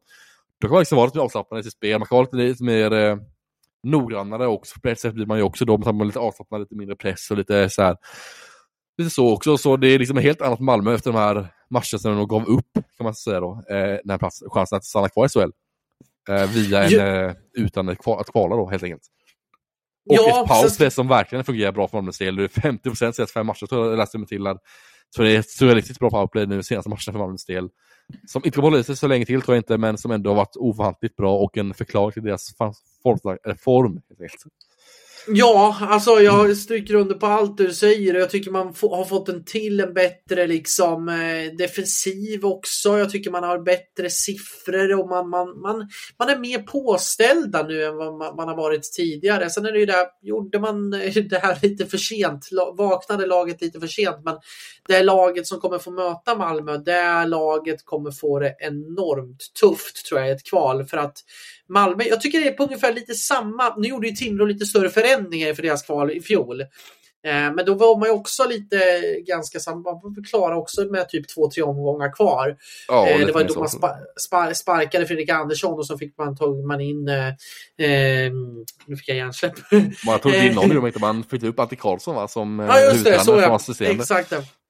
Exakt ja. Och, och att man fick det jag tror att Malmö ändå kan, om man behållit kollar, man tror på kollar, det är signalen på att man tror på den här gruppen och jag, jag känner en harmoni i Malmö som, som eh, jag tror att kommer vara nyttig för dem. För att man såg hur HV71 uppträdde i lördags med eh, den nervositeten och den, liksom, den tafattheten. Kanske kan man drabbas av samma i ett kval också på ett sätt som kanske inte Malmö kommer göra. Nej, exakt. Och eh, vi lämnar Malmö där med de, med de orden tycker jag. Och vi har nästa lag som är Luleå med två vinster, en förlust denna i veckan. Eh, det blev en 4-1-vinst i tisdags mot Brynäs. Det blev en 1-2-vinst efter overtime i torsdags borta mot Skellefteå i Norrbotten-derbyt. Och en 1-2-torsk efter overtime mot Örebro. Här i lördags då Filip Berglund sänkte Luleå den matchen efter overtime. Ja, en vecka som var väldigt bra för Luleås del. Få mål bakåt, ändå en del mål framåt och två vinster på tre matcher är nog väldigt, väldigt godkänt för Luleås del. Som nu har playingplats ganska så hårt eh, har de den platsen i sin hand. Så ja, får se här. Det lär bli play-in för Luleås del. Det är tre poäng ner till Linköping tror jag det är. Eh, så ja, det är ju exakt. väldigt mycket att tala för att de ska spela play-in i Luleå. Del. Ja, och man har ju verkligen gjort det bra också när man har haft kniven mot strupen när man var nära på att halka ner riktigt, riktigt illa i i, eh, för, för, bara någon månad sedan när man undrar bara så här, bara, kommer det här ens räcka till, till att liksom få spela kvar? Är man fortfarande kvar i bottenstriden? Liksom? Men man har tagit tjuren med hornen. Jag tycker Olausson har kommit in på ett jättebra sätt i det här laget. Jag tycker man har fått en defensiv stabilitet på ett annat sätt. Lassinantti har levererat på ett helt annat sätt än de har gjort tidigare. Så att eh, Luleå kommer bli farliga också i det här play-in-spelet. Eh, för man spelar ju ganska tungt och tufft och det är tajt att möta. Så att det laget som får Luleå play-in, det kan nog bli rätt eh, tuff överraskning. Sen har man ju kanske inte riktigt den här offensiva spetsen, men man har flera spelare som ändå har levererat. Och, eh, nu liksom, har ju Mario Kempe kommer ju inte spela något mer under den här säsongen, men, men, eh, men eh, jag tycker man ändå har eh, hittat en lite bättre bredd i laget på något sätt. Ja, men också inget, alltså, man har inget att förlora i Luleås del i, i Spain heller. Så kollar vi på Leksand framförallt och Rögle också i synnerhet. Även mm. Timrå också, redan också. De har liksom lite mer att förlora än vad till Luleå har i play-in. Om det skulle bli de lagen i play-in. Just nu är det de lagen på play-in-platserna, men det är väldigt jämnt upp också. Det kan förändras fort. Men kollar vi på play-in-plats just nu så är det ju liksom Timrå, Leksand, Rögle och Luleå. Då har ju Luleå minst att förlora av alla de lagen. Tänk på det säsong som har varit väldigt, väldigt eh, dålig. Och man har lekt ut för liksom, det här playsteget väldigt länge också. Nu ligger man där och det är bara det en, en stor vinst för deras, deras säsong som varit i stor haveri. Så det, de har inget förlorat Luleå heller nu sista, i play-in heller, så de har ingen stor, större press på sig att verkligen lyckas i play-in. Så de har mer att vinna än att förlora liksom, i play-in, om man säger så. Ja, men det känns som att man har toppat formen också. Liksom, när det krävdes som mest så har man toppat formen och jag tror att man har fått en helt annan karaktär. Jag tycker Brandon Shinnimin har varit jätte, jättebra här nu under senaste tiden och fick ett nytt kontrakt här nu också. Så att, eh, jag tycker det finns ganska mycket harmoni och man går in, precis som du säger, allt att vinna. Det finns liksom ingenting att förlora. Det är bara att ta den här play-in-platsen och så göra det bästa av det. För att Luleå play-in, ja, sett över tre matcher, det kan, eh, det kan bli tufft för, för de lagen där och försöka nöta ner den defensiven framförallt. Mm. Jajamän, jag håller med dig helt i den analysen. Men nu beger vi oss till Göteborg tycker jag, för den sista laget ut i detta körschemat för denna poddavsnittet. Och det är Frölunda som har en vinst, två förluster den föregående veckan. Det var en 0-2-torsk hemma mot Skellefteå här i tisdags. Det var en 2-3-torsk, även det på hemplan, i torsdags hemma mot Malmö. Efter overtime med 2-3 som sagt och en stark, stark 0-4-seger borta mot Leksand här i lördags då man nollade Leksand efter bra defensivt spel och storspel av Lasse Johansson i Frölunda-klassen då man eh, dominerade matchen eh, enligt mig och, ja, ner, och arbetade ut Leksand och verkligen vann närkamperna och spelade ett väldigt fint spel i matchen tycker jag. Med långt, mycket tid i anfallszon och långa byten i just anfallszon och verkligen tryckte ner Leksand i matchen och fick till ett väldigt bra djup i spel. Ja, Frölunda fortsätter åka flumride på Liseberg kan vi säga i prestationsnivån. För det har ju varit upp och ner genom hela säsongen och det här veckan är väl liksom crescendo på det.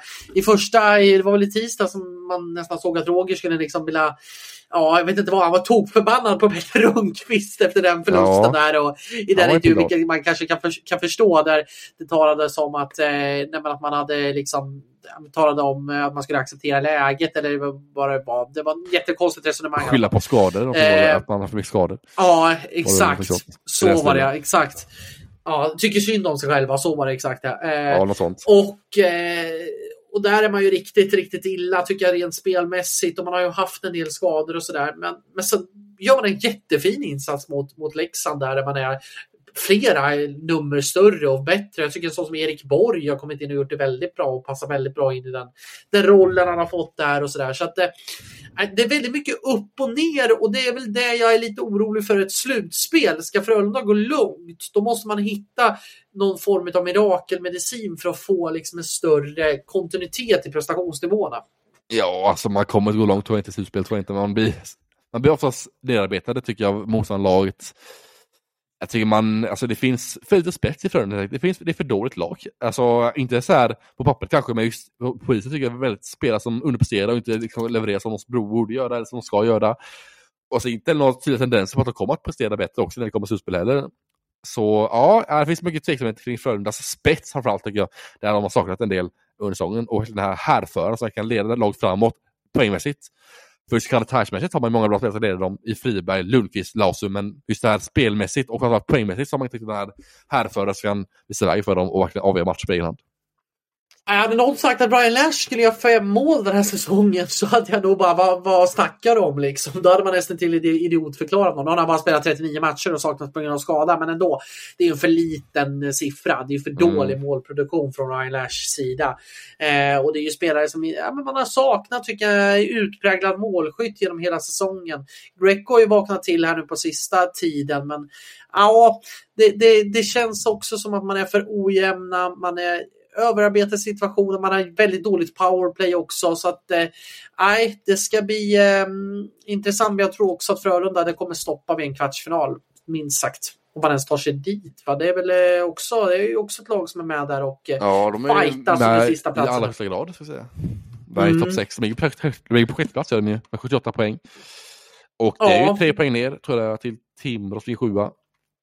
Ja exakt och Timrå har bättre målskillnad också men då är det bara, eh, då är det bara då är det ju precis ja man är, man är tre poäng före Timrå och eh, eh men Timrå har lite bättre målskillnad där med ett, mm. två mål upp där. Så att eh, ja det ska bli intressant men eh, jag tror att det blir kvartsfinal så kommer det bli tvärstopp för Frölunda där. Med de orden stänger vi veckans genomgång av samtliga lag och går vidare till nästa kategori då som är veckans hetaste. Och veckans hetaste händelse, det är Casimir Kaskisou som står i rampljuset denna veckan. Och ja, konkurrerar ut alla andra händelser den veckan. För han är ju helt klart hetast den veckan händelsen som hände. Det är en eh, kast med en liten boll, något vi sett förut, men nu var det kast med en vattenflaska istället för Kaskisous sida eh, som kastade vattenflaska på domare rakt i ryggen. Som renderade i fem matchers avstängning för eh, Casimir Kassisou som blev avstängd då i fem matcher efter en Ja, en onödig situation efter matchen. De blev arg på domaren för att han inte blåste offside vad det var där i samband med HVs avgörande i overtime. Då blev ja. han arg, den Kaskisou. Ja, och man undrar ju alltså vad är, alltså det här, det, det är det bland det mest bedrövliga jag sett av en spelare göra. Alltså det, är väl, det, det, det är väl snudd på, det, det enda jag kan tänka mig på det var Sam Lofquist som, som puttade till en domare där i säsongen ja. 2019-20 där. Som fick i Oskarshamn som fick en väldigt lång avstängning. Han fick väl också fem matcher och sånt där. Ja, tror det. Eh, och, och, det var ju mer avsikt. Det här tycker jag nästan är ännu värre för att... Jaha, det tycker alltså, jag också. Framförallt. ja, och man, ja. Alltså, för han tar verkligen, alltså, man ser det på reprisen. Det är ju inte så att det är någon alltså, olyckshändelse att han ska kasta in dem och båsa och träffa dem. Det här är ju verkligen, han siktar ju in. Han siktar, ta vattenflaskan. Och man tänker det, borde det inte finnas några spärrar där? Liksom, alltså, man tänker liksom i, i konsekvenstänk. Att, ja, men jag tar vattenflaskan. Redan där borde man nog tänka så här att fan, jag ska inte kasta iväg den här. Och går, går ut och tar några steg utanför målområdet och sen väljer att kasta. Alltså finns det inga spärrar på människan? Ursäkta att jag låter arg nu, men det här alltså det är, det är fan med bedrövligt. Jag trodde vi lärde oss saker och ting på förskolan, att man kastar inte saker på andra människor. Och definitivt inte en domare. Alltså vad är det här? Det är ju värre än P12 nivå alltså. Men alltså beta den sekvensen i olika delar så kan vi börja med första, första som händer. Så han tar av sig hjälmen som man gör och så dricker vatten. Då ser han domaren Johan Magnusson komma på hans högsida. Runt målet kommer Johan Magnusson. Och då tänker Kassio, ah fan jag tar min vattenflaska och sular i ryggen på honom. Då tar han upp vattenflaskan ur sin behållare där bakom målet. Tar upp den i handen, och sikta, alltså det är riktigt bra sikte måste jag säga på Kaskasou. Alltså det är prickskytte som är Karlqvist-klass på Kaskasous kast där. Alltså det är ett prickskytte som är liksom NHL-klass där. Han tar den och siktar in och bara kastar den rakt i ryggen på Johan Magnusson, där domaren. Och alltså träffar mitt i prick i ryggen på honom. Det är nästan imponerande att han ens får liksom, glassflaskan från målet och det är några meter framåt till domaren också där. Det är inte så att den är så nära heller utan det är ganska en markant avstånd där mellan Kassou och domaren. Eh, och det var ju avsiktligt minst sagt kan man ska säga. Det går att prata bort det eller Kassous sida. Han såg domaren med blicken, följde med blicken och sen kastade han vattenflaskan medvetet också på domaren rakt i ryggen. Så ja, en märklig sekvens var det. Och en väldigt verkligt tålig situation. Ja, det är bland det märkligaste jag sett i SHL. Alltså på, man, mållös nästan man ser, man är mållös när man ser sekvensen. Det är nästan man tror inte det är sant. Men, ja, men både, du och jag, både du och jag har ju följt SHL väldigt länge och jag tror aldrig ja. att jag sett något liknande. Jag har sett någon vattenflaska åka in på, det var väl Leif Bork eller Peter Andersson som kastade in en vattenflaska någon gång sådär från tränarbåsen. Men det här är ju ännu värre. Det här är ju liksom, och det är slut på matchen också. Det är ju liksom, ja. Allting är ju över. Alltså, och jag blir lite förbannad på, på liksom folk som säger att hockey, det är känslor, det, det är liksom, det, man ska kunna tåla det här och det. Vad fan är, är det för argument? Alltså skulle jag, skulle jag bli förbannad på min chef? Skulle jag gå upp med en fylld vattenflaska eller pennskrin eller vad som helst och så skulle jag kasta det på ryggen på den chefen. Så jag hade åkt ut med huvudet före. Jag hade ju för fan blivit polisanmäld. Mm. Det är ju liksom, alltså hockey, det här, man måste kunna kontrollera, det här är elitspelare, det är inga liksom P12, P10-spelare, inte ens där är det okej. Okay. Och domare, framförallt i synnerhet domare, måste kunna vara friade. Alltså, Absolut att domare kan göra misstag, men att kliva över den gränsen, att liksom ändå inte kunna förstå när han har så många, liksom, det är ju ändå, det är ju ändå ett liksom tidsaspekt också, för han ska ta vattenflaskan, han ska sikta in och han ska kasta. Att man inte har någon form av spärr däremellan, det tycker jag faktiskt är ganska allvarligt. Eh, och nej, det här är det är bland det värsta jag sett i SHL faktiskt. Jag tycker att det är, och folk jämför att ja, men ska, man, ska det här rendera lika mycket som, som liksom en, en farlig tackling någonting? Ja. En farlig tackling har man absolut, säger jag också. För en farlig tackling kan, kan vara en ren olyckshändelse också. Du kan komma in fel, du kan bedöma saker fel. Det här är ju ren och skär aggression. Ja, det, är det, ju alltså, det här är ju liksom någon sorts tydlig markering också. Det här går inte, man kan inte kasta saker på varandra. Det går liksom inte, det blir ohållbart. Och det, alltså, vad händer, alltså, vad händer, om man inte ska få någon avstängning för detta, vad händer nästa gång då? Kanske kasta hjälm nästa gång? Jag har haft i huvudet på domare istället. Alltså, det, kan, det kan bara spåra ur om man inte gör någon markering om detta. Så det är bra att man gör en tydlig markering att detta är inte okej okay i svensk hockey. Man liksom ger en fem matchers avstängning. Som oavsett vilket perspektiv man tar det så är det ändå lång avstängning, men också en rätt avstängning tycker jag. Även om huvudtaget kanske är fyra matchers avstängning så är det ändå rätt avstängning sett till situationen och sett till liksom vad han gör för något. För det är ändå medvetet gjort. Alltså det fyller ju alla bockar ju på liksom, saker som inte är eh, det finns sekvenser där liksom man har olika saker som man har sin egen fördel. Så att vissa saker, han kanske gjorde omedvetet eller sånt. Men det är alltså ingenting som förklarar bort situationen, utan det är bara saker som bockar i varje del i det han agerar i. Så det finns ingenting bortförklaring, ingenting alls. Eller, ja, så. Allt var medvetet gjort, det var avsiktligt och det var hårt, det var ett kast som träffade ryggen på domaren. Punkt slut, fem avstängning, helt rätt. Ja, jag tycker nästan att det kunde ha varit ännu mer. Jag tycker faktiskt att det kunde ha varit nästan till hela säsongen. Hade, hade jag ja. varit... Eh, ja, det blir säsongen alltså, ut. Typ, ja, och, Ja, alltså jag, jag hade lika gärna, hade jag varit Leksand också, om vi ska ta det här Ingman-fallet i Modo, då kanske man inte ska blanda ihop de grejerna. Men om man ska ta en parallell. Hade jag varit Leksand i det här läget, jag hade sagt att tack och hej. Du ska inte stå en match till. Du ska inte stå en match till när du gör såna här saker för att du sänker ditt eget lag fullständigt också. Alltså när man inte kan, kan ha kontroll på känslor. Tomkins slogs under en ledskärm. Där tycker jag på något sätt gränsen går. Det är gränsen liksom. Där, mm. Det var okej. Okay. Det var lite halvfult men det, det var liksom inget. Det är ju ingen som kommer till skada. Det är det ju inte i och för sig här heller. Men det, ja, alltså, fast, fast, det, kunnat vara fast det egentligen det hade ju kunnat alltså, vara där. Säg, säg att det är en annan. Det gör ju ont på sån på sig. Liksom. Det, är, så här, det, är, alltså, det känns som någon får en vattenflaska fylld med vatten. Ja. Liksom, från det, det är flera ja. meter avstånd så det tar ju ändå kraft. Vattenflaskan åker så långt, så långt också till domaren. Du får ja. upp en, som en kraft på vägen till domaren också, fastflaskan. Så det, det gör ont. Ja. Ändå. Och det är det du säger också, han hade kunnat tagit klubban eller han kunnat tagit något annat. Liksom, det hade blivit ett livsfarligt beteende och bete sig på det sättet. Så hade jag varit Leksands klubbledning, jag hade sagt att du är inte välkommen här. Du, Men jag, du, tror, jag tror inte man kommer... Alltså han har gjort sina matcher i Leksand, han får ingen mer speltid ja. i Leksand. Alltså han är liksom utkontrakt. Han är avstängd nu i tre matcher, eller två matcher till tror jag det är. Tre matcher till tror jag till och med. Och sen plus att de har Almalis, och de har Filip Larsson. Uh, ja. Så Karlskrona kommer inte förstå mer tror jag inte. Det är säga. Nej, alltså det är, det är helt horribelt. Och, men det här är väl lite det som har varit med hans frustration som har varit. Liksom, jag, jag blir så överraskad också. Jag tycker att han har varit professionell tidigare för att han har ju haft en jättetuff säsong. Han har varit petad, han har inte fått förtroendet. Han blev till och med utbytt där under en match i andra perioden på, på liksom, eller första perioden till, till och med i, på mål han inte, egentligen inte kunde göra så mycket. Eh, det har liksom bubblat och kokat frustration. Han har ändå varit professionell i media och allting sånt. Och så gå ut och göra en sån här fullständig alltså, härdsmälta rent ut sagt. Ja. Eh, jag, jag är nästan till chockad faktiskt hur en spelare kan, kan gå så långt innan man väljer liksom att...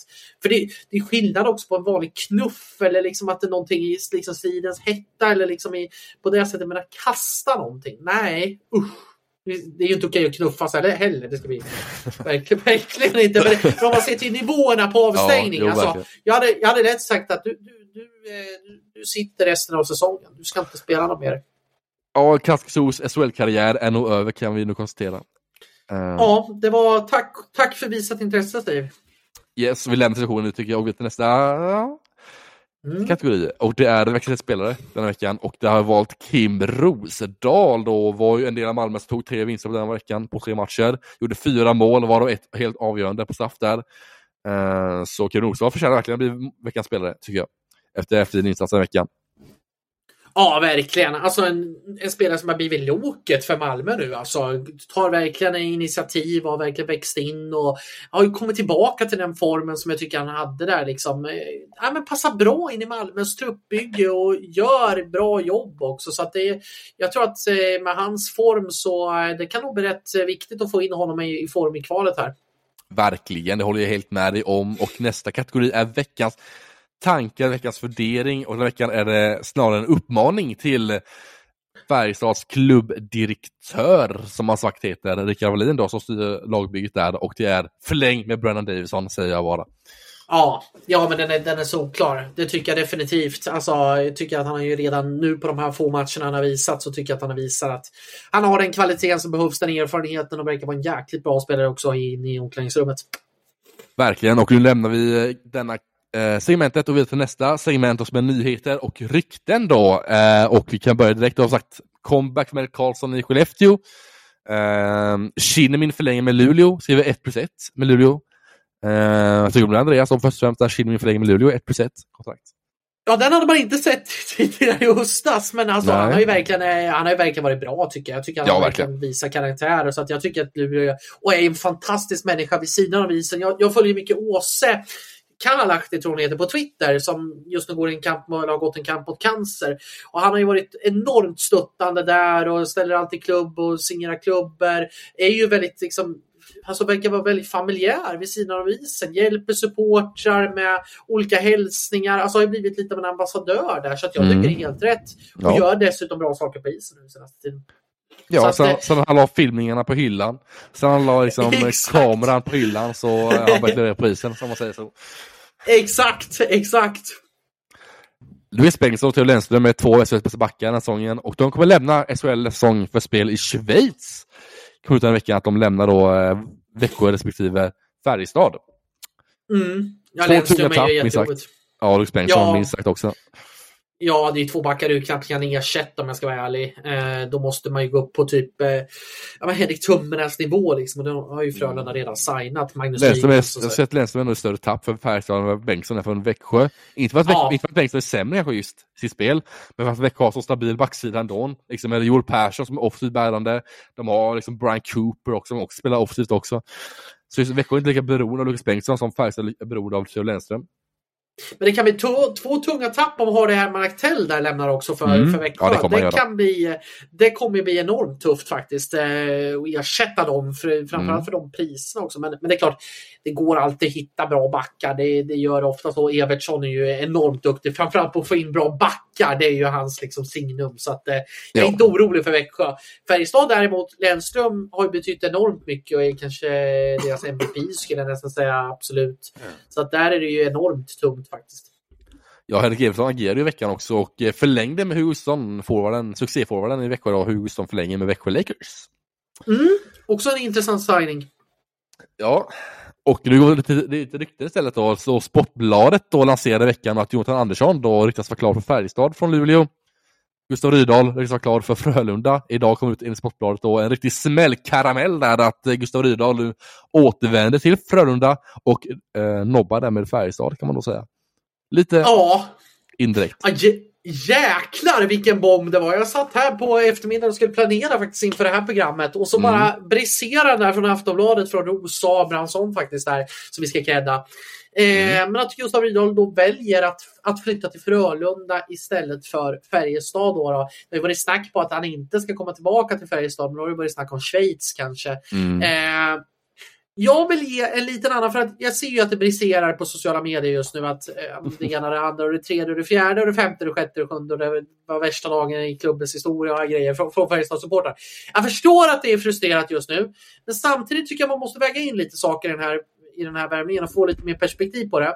Eh, jag vet att Rydahl trivs väldigt, väldigt bra i Färjestad. I Färjestad har, ju, har givit mycket att han trivs väldigt bra och det känns hemma här och så här.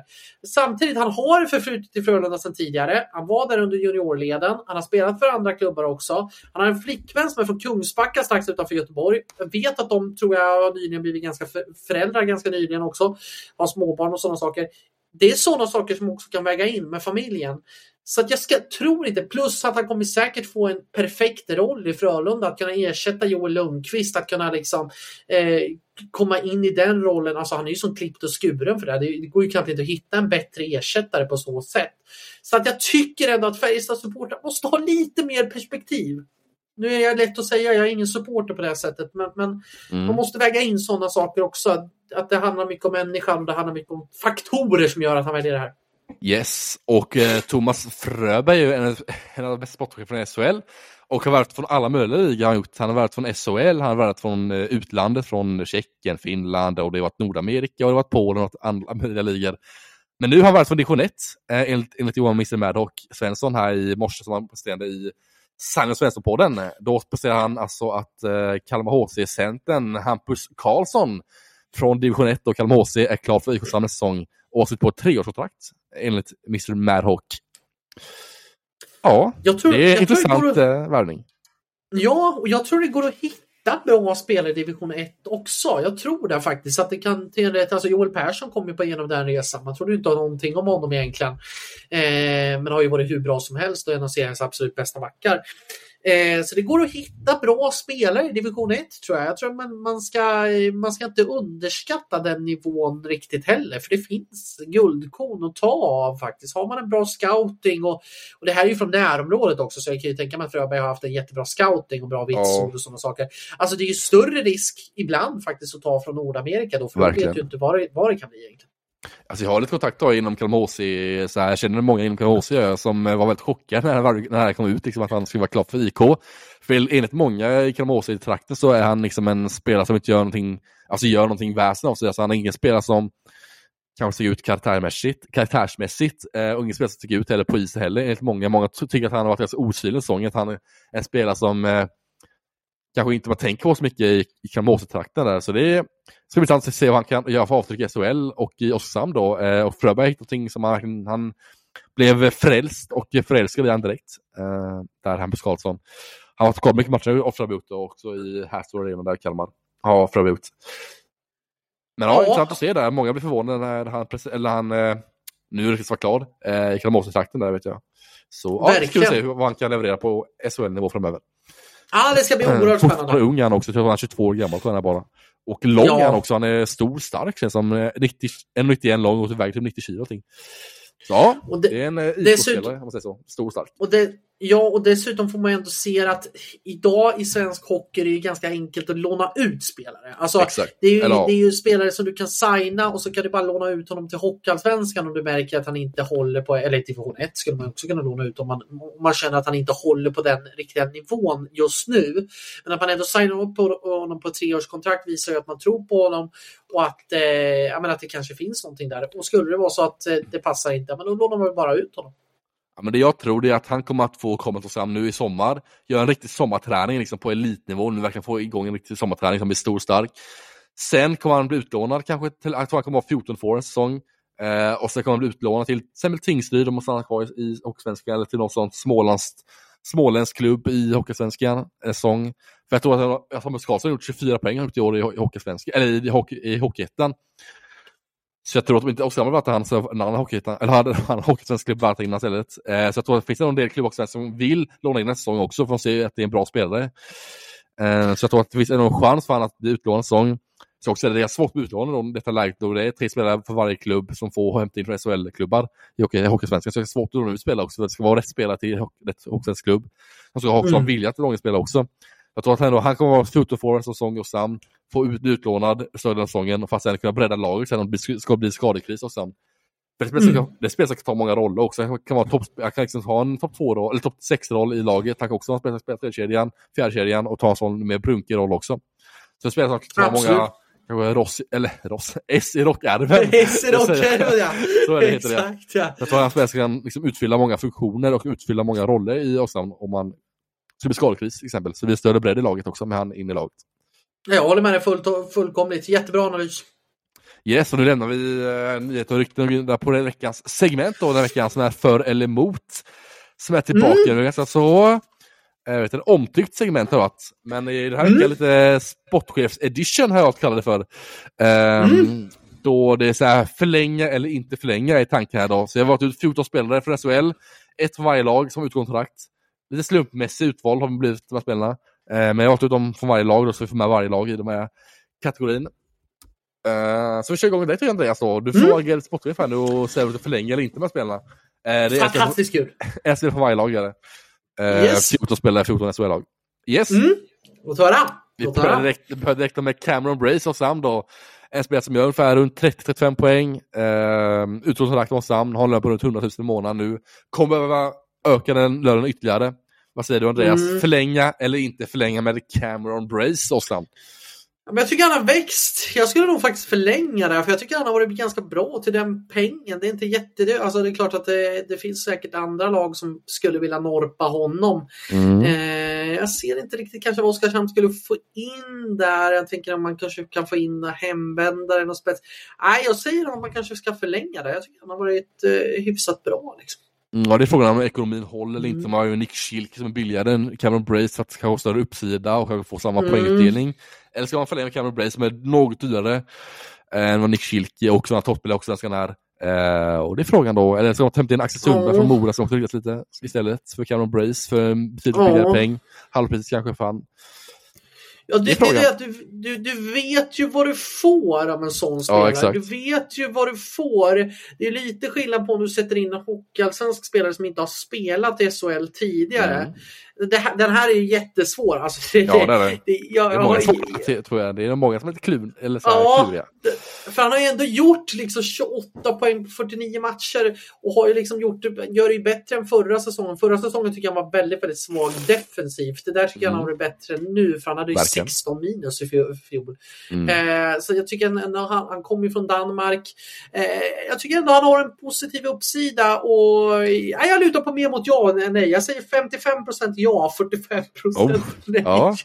Ja, men det gillar vi. Mm. Yes, Mm. så lämnar Cameron Brace för en spelare som är Nick Shore och det. Mm. Vad säger du Andreas? Förläng eller inte? Ja, men, jo, men det tycker jag faktiskt. Det här är en spelare som jag tycker visar på, på karaktär. Jag tycker att han har verkligen visat att han, han, är, han är en bra hockeyspelare. Och jag tror att han skulle, skulle han ha bättre lagkamrater och ha liksom bättre lag, alltså så spela kanske ett bättre lag. Då tycker jag att han ändå har det och är inte lastgammal heller. Han är 30 år. Så jag tycker definitivt kan man få honom till rätt pris så tycker jag ändå att han har ändå visat någonting. Han har ändå gjort 16 poäng på 23 matcher och ändå varit kanske HVs bästa karaktärsspelare. Så att, ja, det, det säger jag nog ja faktiskt. Vilken roll ska man ge honom? Ska man ge honom som förstacenter eller som andracenter? Eller vad tänker du Andreas då som sportchef då? Hur ska man ge honom för roll? I men en hockeyettan bra som andra- de måste förlänga man. En bra andra center tycker jag. Det tycker Ja, jag han har varit ja. perfekt i, i, i den rollen. Kanske försöka få in lite, lite mer ytterligare spets på första Mm. Sen, sen är han ju dyr, det tror jag definitivt. Det är ju ingen, Mm. ingen spelare De som har pengar också. Är, är billig. Men pengar på exakt, exakt, han sitter där och, och är liksom som bankir där hemma och liksom Ja. konjak hemma. Nej, det kanske han inte gör. Men, men i alla fall. Eh, nej, jag tycker konjak. Jag vet inte var det är ifrån. Men, men i alla fall. Så, så tycker jag att eh, man ska förlänga med honom. Jag tycker att det är jag tycker han har visat prov på karaktär och jag tror att får han komma in också och få en sommarträning i SHL så tror jag att det kan bli ännu bättre. Ett sidospår där med nubben är att han käkade ju pannkaka i veckan med Victor Lodin. Det var lite, lite roligt också. Ja, Ja. Den, att de var så liksom. med eh, ja, NHL-spelaren Victor Lodin. ja, de var så, så spetsiga i det. Ja, riktigt, riktigt. Ja, det var ingen Pannkaka, dyr lunch va? direkt för nubben. Han var tvungen att spara in lite på cashen där efter en eh, tuff säsong. Fast pannkakor, pannkakor är ändå underskattat. Jäklar vad underskattat det är. Tror nubben gör pannkakor själv då eller hemma står och steker lite pannkakor där i morgon? Men Victor Lundin, vad gjorde, vad gjorde han hemma? Det är det jag tänker på. Spelade inte han slutspel borta i eh, Ottawa i deras farmarlag? Eller är han Bellerin. skadad? Jag vet inte, att de spelar slutspel eller inte, jag tror inte. Så de, Ja, då kanske han eh, hem, för det tycker jag låter jättemärkligt. Men det är klart, det hade ju varit... Sa- samtidigt, jag, Victor Lundin är en jätte, jättebra spelare, absolut. Absolut, men jag är lite tveksam till karaktären där. Jag har hört, hört vissa stories när han var i Örebro att det var förseningar och sovmorgnar och lite sånt. som- Eller sovmorgnar, han, han försov sig helt enkelt. Eh, och eh, sen har vi haft den incidenten när han var i Timrå och sådana saker också. Och, men han gillar ju den där HV-låten så det hade ju Ja, det- passat alldeles utmärkt. Exakt. Det hade ju passat jäkligt bra. Den är ju, den gillar alla. Ja, nej, men ett Nick sidospår Shore, där. ja. Mm, Nick Shore, ja. Förläng med Nick Shore helt enkelt. Som en bra andra center säger Andreas. Absolut. Yes, den spelar Absolut. ut är eh, Mika Koivu stod i, i Växjö. Eh, Finsk Mm. backen med kontrakt och rutinerad back som eh, är stabil och gedigen. Inte jättemycket väsen av sig. Ska förlänga man eller ska man inte förlänga man Andreas? Vad tycker du om Mika Koivu stod? Har det inte varit lite snack där att eh, han ska tillbaka kanske till Schweiz som jag inte är helt eh, ute och cyklar? Mm, det har ja, varit lite sådana rykten att det är andra klubbar som är ute. Ja, den här tycker jag också är svår, men jag tycker nej, för han har ändå blivit 32 år. Mm. Eh, jag tycker att det kanske är några år, ett år för, samtidigt är en spelare som har, en vinnartrend. Han har ju vunnit i SHL, han har vunnit i eh, eh, han har ju väl vunnit VM en gång. Han har, vunnit, han har kommit tvåa i, i eh, Nej, han har, nu pratar jag nästan tunga här. Men han har vunnit i alla fall i, i ehm, han har ett VM-silver, ett VM-guld och sen har han vunnit finska ligan. Så det är ju ett lag, så det är ju en spelare som verkligen har, har vunnit väldigt mycket och det kan vara bra att ha som karaktär. Men ah, jag är lite tveksam om eh, kanske hans, eh, i så fall på ett ettårskontrakt max. Mm. Så blir det ett nej eller ja? Där? Blir det ett nej eller? Ja, det blir ett nej. Det blir ett nej, ja det är bra. Mm. Det spelar ut är eh, ja, Timrås, till en början i alla fall, succéback eh, Elmeri Eronen som har utkontrakt i Timrå Mm. där. Vad tycker du Andreas? då? Förläng eller inte förlänga med Elmeri Eronen? Ja, den är ju också, eh, den är ju också jätte, Ändå back i bra alltså. ålder, gjort ändå helt okej. Offensiv uppsida. Ja, Ja, han är det blir 32 något, år. något dyr nu. Hur gammal var han? Ja, han är 32 ja. Ja, 32, Så det är jag ändå- gammal. Ja, 26. han är 32. Men det var han Nej, inte. 32, 32 Ja, då var bast. Ja. Det, det är ju en spelare som...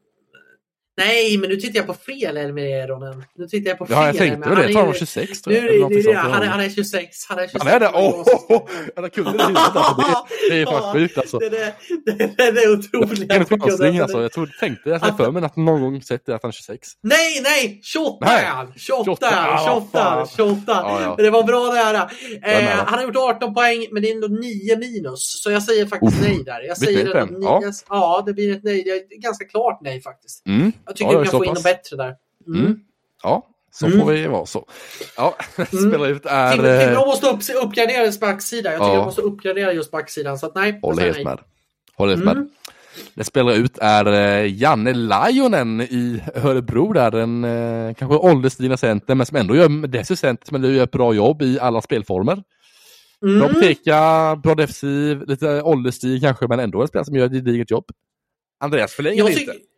Ja, men jag tycker förläng faktiskt. Jag tycker Oj, att det här ja. är... Ja, jag tycker att eh, han har visat prov. Nu, jag tror inte han är speciellt dyr heller om man skulle försöka förlänga med honom. Eh, jag tycker att det här är en spelare som alltid gör jobbet. Jag har aldrig sett Janne Lajunen göra en riktigt dålig match faktiskt. Nej. Det är en spelare som alltid är på kontoret och säger man de klyschorna, men alltså alltid är påställd och bidrar med mycket karaktär, kan ta hand om mycket unga spelare också. Så att jag tycker att eh, karaktären finns där, sättet finns där eh, och spelmässigt så vet man vad man får. Så att absolut säger jag. Mm, ja, så det blir ett jobb på Mm. den då. Japp. Nästa spelare ut är Skellefteåbacken Arvid Lundberg som har utkontrakt med eh, Skellefteå. En stabil gedigen back som var ute bra under många år i SHL nu.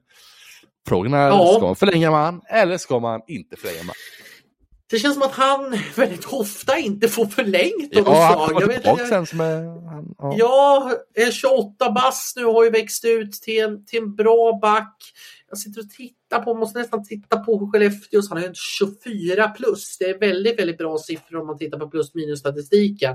Eh, jag sitter nästan och tittar på vad Skellefteå har för backsida nästa säsong. Man har ju, eh, det är ju Linus Högberg och Arvid Lundberg på utgående, men sen har man ju väldigt mycket spelare på kontrakt. Man har ju Måns Forsfjäll, Petter Granberg, eh, Oskar Nilsson, och Anton Olsson, Jonathan Pudas, Salomonsson och Axel Sandin Pelika. Jag säger nog faktiskt nej här. Ja. Och det gör jag med motivationen, inte att Arvid Lundberg varit dålig på något sätt. Absolut inte, snarare tvärtom. Men dels har man unga backar som kommer upp som jag tycker man ska ge chansen på ett väldigt sta eh, stabilt sätt och då kanske man måste ha in en lite mer spetsigare den. Men det kan ju bli Eh, NHL för de här backarna också. Alltså, alltså en Pelix Ja. kanske, eller Solmonsson också en del. Kanske blir NHL för dem. Ja, det är väl det. där. Ja, det är om, de, om, om Anton Olsson. Det är i så fall om någon Mm. av dem skulle försvinna. Men jag säger in, att som liksom första Första så säger jag nog nej faktiskt och det gör jag Ja. med motivationen att, att de, motivationen, motiveringen att, eh, att Skellefteå måste ha in lite mer spetsigare tycker jag faktiskt. Nej, första Eh, så känns lite förvånad över. ja, Jag ja, du är det ja, alltså? Ja, Mm. alltså jag gillar väl Mm. Lundberg. Så han är alltid stabil. Han är liksom plus 24, liksom. det är en 28-årig back som är sin bästa prime-ålder nu. Vunnit, vunnit SM-guld tidigare också med Skellefteå och eh, är en back som jag tror han har gjort en dålig säsong egentligen. Lundberg. Jag tror alltid gjort en bra säsong. Det är back, alltså det är back som vet vad du får av. Ta in en back som är på pappret spetsigare. Så kanske du får ut mindre utav, en back, utav den backen och du får av, Lu- av Lundberg också. Så ja, ja. När du väl säger det så. det, det, Alltså du kan ju till en nordamerikansk back, men det är ju en ren chansning alltså i så fall till en Mm. nordamerikansk back eller en back på finska ligan eller vad du nu väljer göra som är på pappret kanske spetsigare och det är meritmässigt spetsigare också. Men SHL så är det en ganska tuff liga så det gäller att förhålla sig till det också. Att det är en tuff liga, du måste ändå ha ganska stabila spe- pålspelare som litar på varje match. Och så. Ja. Mm. Det jag tänker det är om Skellefteå skulle kunna få in någon av de här spetsbackarna som är borta i Nordamerika. Alltså, Mm. Säg att...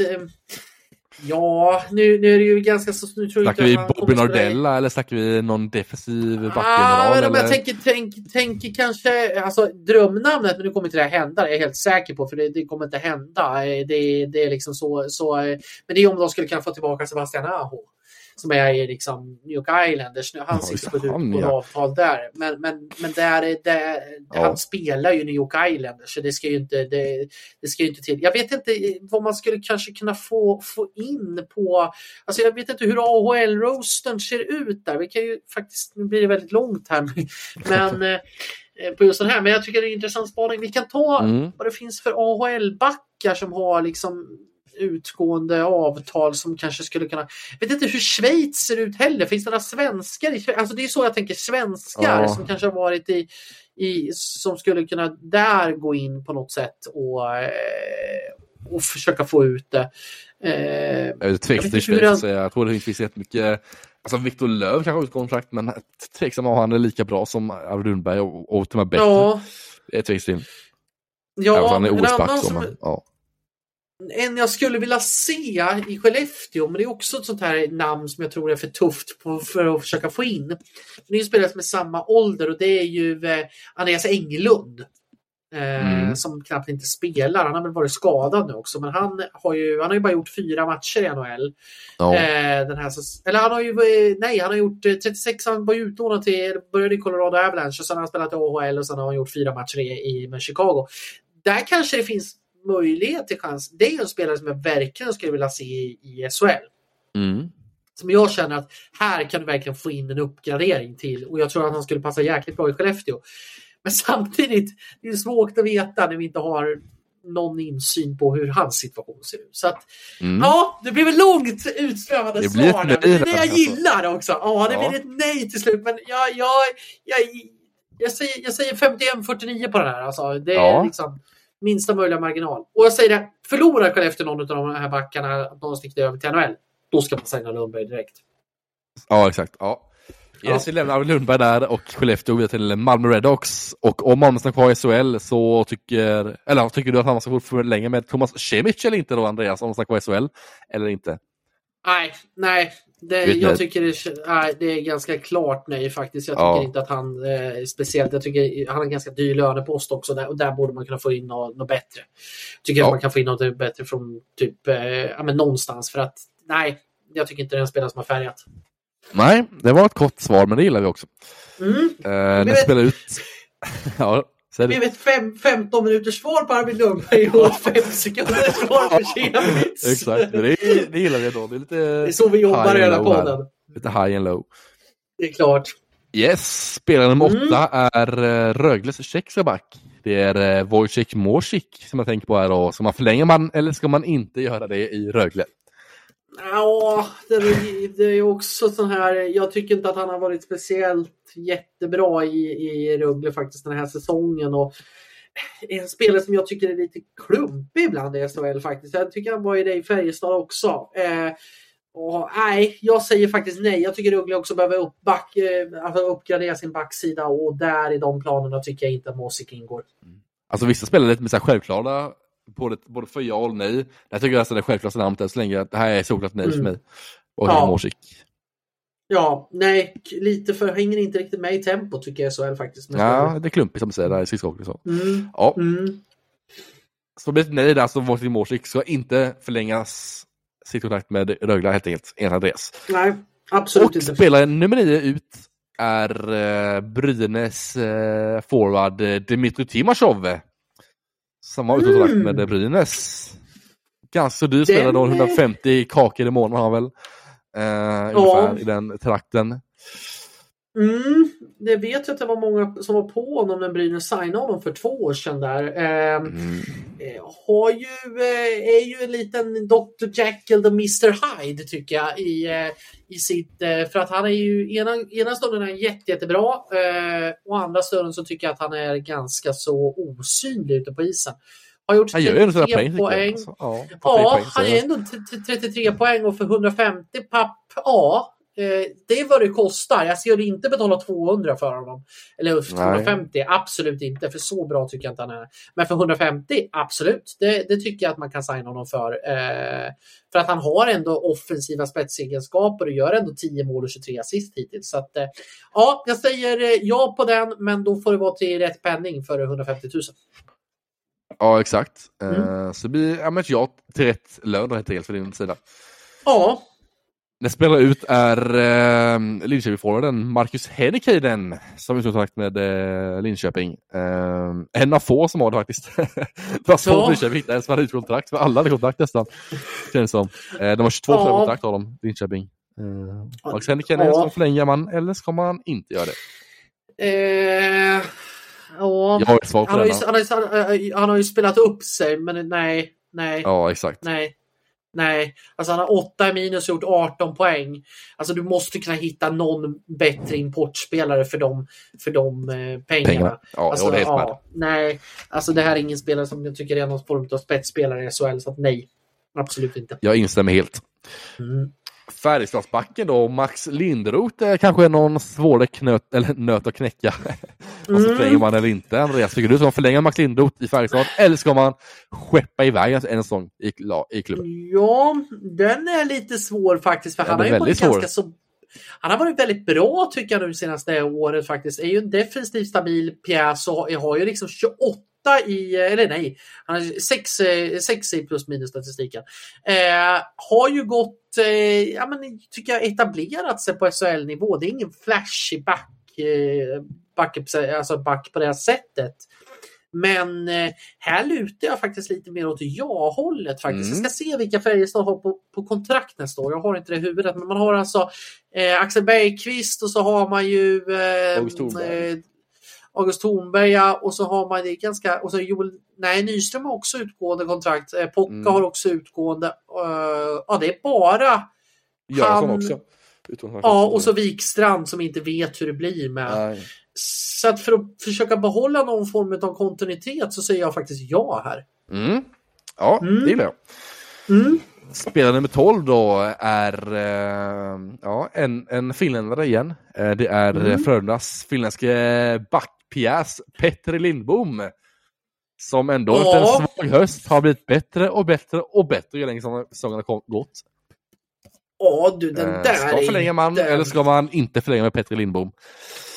Den är tajt alltså, jäklar. För jag tycker han har varit, han, han inledde jättesvagt eh, och, och hade jätteproblem med tempot i SHL. Mm. Men har ju växt in betydligt. Och är ju bara 29 bast också. Och har ju Ja. gedigen erfarenhet från OS, VM och med mera. Så att eh, här lutar jag lite. Jag måste kolla lite vad Frölunda har för backuppsättning. Nu ska ju Tummenäs in där också till nästa säsong. Borgman ut. Borgman ska ut också. Ja. Eh, vi ska se vad vi har. Eh, dört, dört, dört, dört, dört. Dator är lite tröga, men här, då är det ju Christian Folin och sen så är det ju eh, sen är det Filip Hasa och så är det Pontus Johansson och så är det väl eh, eh, vet man inte riktigt hur det blir med Filip Johansson och så är det Tom Nilsson då. Eh, ja, jag säger nog faktiskt ja här. Ja, Mm. ja Jag okej. säger nog faktiskt, det, då, då är det frågan om, ja, Eh, man måste ha in någon. Ja, jo men jag säger ja. Okej, Jag säger yes. ja. Och man kanske kan låna ut Filip Hasa faktiskt. Tycker Mm. jag. Yes. Den spelar ut är en spelare på ålderns höst kanske. Eh, och det är eh, Luleås hemvändare Niklas Olausson som har varit väldigt bra sen han kom in i Luleå igen. Ska man förlänga man en säsong till eller ska man säga tack och hej för denna gången? Ja, Luleå måste göra en riktig remake i offensiven och det är kanske inte de här spelarna de, den här typen av spelare man ska satsa på då kanske. Genom att han inte, alltså man har ju mycket karaktärsspelare redan sedan tidigare. Samtidigt, han har ju varit jäkligt bra i Luleå och sådär och kommer in med en hel del karaktär och är ju Mr Luleå. Se hur deras forwardsuppsättning ser ut inför Alltså det var väldigt svårt att hitta. Luleå-spel som var så här halvsvåra att veta vad man ska göra för något. För det var så här, Radek Music är ju såklart nej på. Komarek såklart nej på. han, han är. Örebro. Ja, är Örebro nu. Exakt Ja, just det, Örebro. Fan jag Ja, Örebro, ja. Exakt. Det, han, kommer, han, kommer inte, bli- han kommer inte bli klar i Örebro i alla fall. Nej. Så det, det är liksom, Nej. Nej men alltså, om man tittar på de som sitter på utgående så tycker jag till exempel om man ska dra lite paralleller till spelartyper. Nu är ju, det, nu är ju inte det samma typer av eh, spelartyp kanske på det sättet men, men det är ju faktiskt i och med att eh, Jonas Rask är en forward och, och eh, Olausson är center. Men om man tittar på, på lite sådana. Om man tittar på och, och förlänga, om, om man ska förlänga Tommy Sallinen eller Niklas Olausson, då är det ju självklart på Olausson. Ja, Alltså, det är ju ingenting att tveka om. Men om man ska se liksom, jag kan ju tycka att, att i en centerposition, det, det Luleå måste ha till nästa år, det är en bra första center. Alltså det är ett måste. Och där kommer Mm. väl Omark in. Ja, Andreasson då, först. är Ja. Andreasson kanske och sen så, ja, och så Omark som forward då. ja, exakt. Eh, då ska man in dem och sen så en andra center. Jag tycker man har ju bra spelare, till exempel Jack Connolly som kan fylla den rollen. Mm. Kanske tredje center för honom. Komarek skulle jag hellre. Ja. Ja, då skulle jag och så, så, eh, och så då Olausson som en fjärde center. Ja, jag köper nog det. Jag skulle nog nästan hellre förlänga med Konstantin Komarek än vad jag skulle göra med, eh, med ja. Den är svår, men jag tycker nog ja faktiskt. Okej, Jag ja. tycker han har visat mer än vad Leo Komarov har gjort till exempel. Ja, verkligen. Mm. Ja, Så jag nu säger börjar ja. spela, kvar- nu börjar jag spela kvar och, gå i, och eh, ta upp här då. Det var ett lag kvar, mm. Kvar då i Leksand som är slaget som är kvar här då och det är deras finländska center Mikkel Rohoma som utgångspunkt. Ska man förlänga med Mikkel Rohoma eller ska man inte förlänga med Mikkel Rohoma? Hur ska Tjomme tänka Andreas? tycker du? Mm, den här är också svår. Han är... ehm, Ser Ja. Det är inte lätt att vara sportchef, det ska Nej. ni veta här ute liksom. Det är det inte. Eh, han har gjort 22 poäng på 39 matcher, gjorde 40 poäng i fjol. Jag tycker inte han har varit på den nivån som han varit tidigare. Han har hunnit bli 34 år eh, nu. Jag tycker att hans karaktär saknas lite också faktiskt. Så att jag säger faktiskt nej här. Mm. Jag tycker inte att han är tillräckligt bra helt enkelt. I, Det blir ett nej där. Ja, exakt. Det blir ett nej där från Andreas Mm. från Mikkel Roma och det var samtliga 14 spelare med utgångskontrakt. Och eh, några ja, och så blev det många nej från Andreas sida här. Så han är svårflörtad som sportchef här. Andreas. Mm. Ja, eh, jag mycket är nej, hård i mina... Ja, Jag kan värderingar. vara hård i mina bedömningar ibland. Mm. Exakt. Mm. Men innan vi är klara för idag ska vi kolla spelschemat lite. För det är ett väldigt intressant spelschema här, med tanke på att det är tabelläget som vi har- med topp 6-striden, mittenstriden och framförallt bottenstriden då. Det finns eh, många lag som är involverade i samtliga strider i stort sett. Det är karabolik, det är kaos överallt och det är mycket poäng och det är hit och hit och det är så. Sen så ska vi du klargöra lite spelschemat här Andreas och kommande två matcher som också har grundserien då tänker jag. Så vi börjar, Jajamän! vi börjar längst ner i tabellen tycker jag, i bottenstriden. Då har vi HV och Brynäs och Lidköping som tre lag Mm. som potentiellt då slåss om en plats att hålla sig kvar i SHL. Undvika kvalplatsen. Exakt! Och eh, det Brynäs har då, det är ju Timrå först ut på tisdag. Eh, Mm. Tuff, tuff eh, bortamöte där. Eh, där eh, sen så är det ju ett... Eh, det här ska vi se här. Eh, De möter Växjö Och på sen- onsdag, eller på torsdag, hemma. Precis. Exakt. De måste- Växjö som fightas om seriesegern. Ja, den är ju inte enkel. Så att HV Nej. har ju liksom ett jätte oerhört tufft eh, läge just spelmässigt på så sätt. Men samtidigt så HV Brynäs, har inte heller... Ja. Ja, Brynäs ja. Exakt. Där. Nu, eh, på HV har ju Skellefteå på Mm, tisdag. tisdag. Också Jajamän. Skellefteå som går. Och sen på torsdag så är det ju HV för Oskarshamn. Ett Oskarshamn som också går för topp 6. Så att HV tycker jag har ännu svårare nästa Ja, jag tycker också det. För det är också derby där. Oskarshamn skulle nog vara riktigt sköna att spela ner HV71 Ja. alltså liksom som rival. Så jag tycker HV har ett svårare spelschema än vad Brynäs har. Brynäs Växjö, ja, mm, det kan nog bli en ganska jämn match faktiskt. Så att eh, jag säger nog lite fördel Brynäs om man tittar på spelschemat. Men då Ja, är ju Timrå-matchen oerhört nyckeln. Exakt, ja, Mm. Timrå-matchen är ju nyckeln för Brynäs vad man ska vinna den. Samtidigt som Mm. mm. Håknäs har svårt med Oskarshamn på IB och Center också. Borta Ja. ja. så de möter Oskarshamn bortaplan också på torsdag. De väldigt svårt det är att vinna Oskarshamn, äh, i Oskarshamn Mm. mot Oskarshamn. Eh, så ja, Och den möjligheten att spela in, att spela Ja, ner liksom. Nej, det... Ja, Mm. och sen Linköping då som... Eh,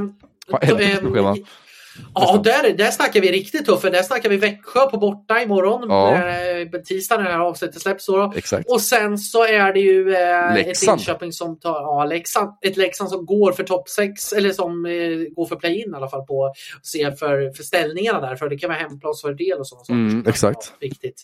Eh, så att ja, här, eh, jag tycker Lin- Linköping kan ha det rejält tufft. Men då ska vi också säga att då ska både Brynäs och eh, HV vinna samtliga sina matcher.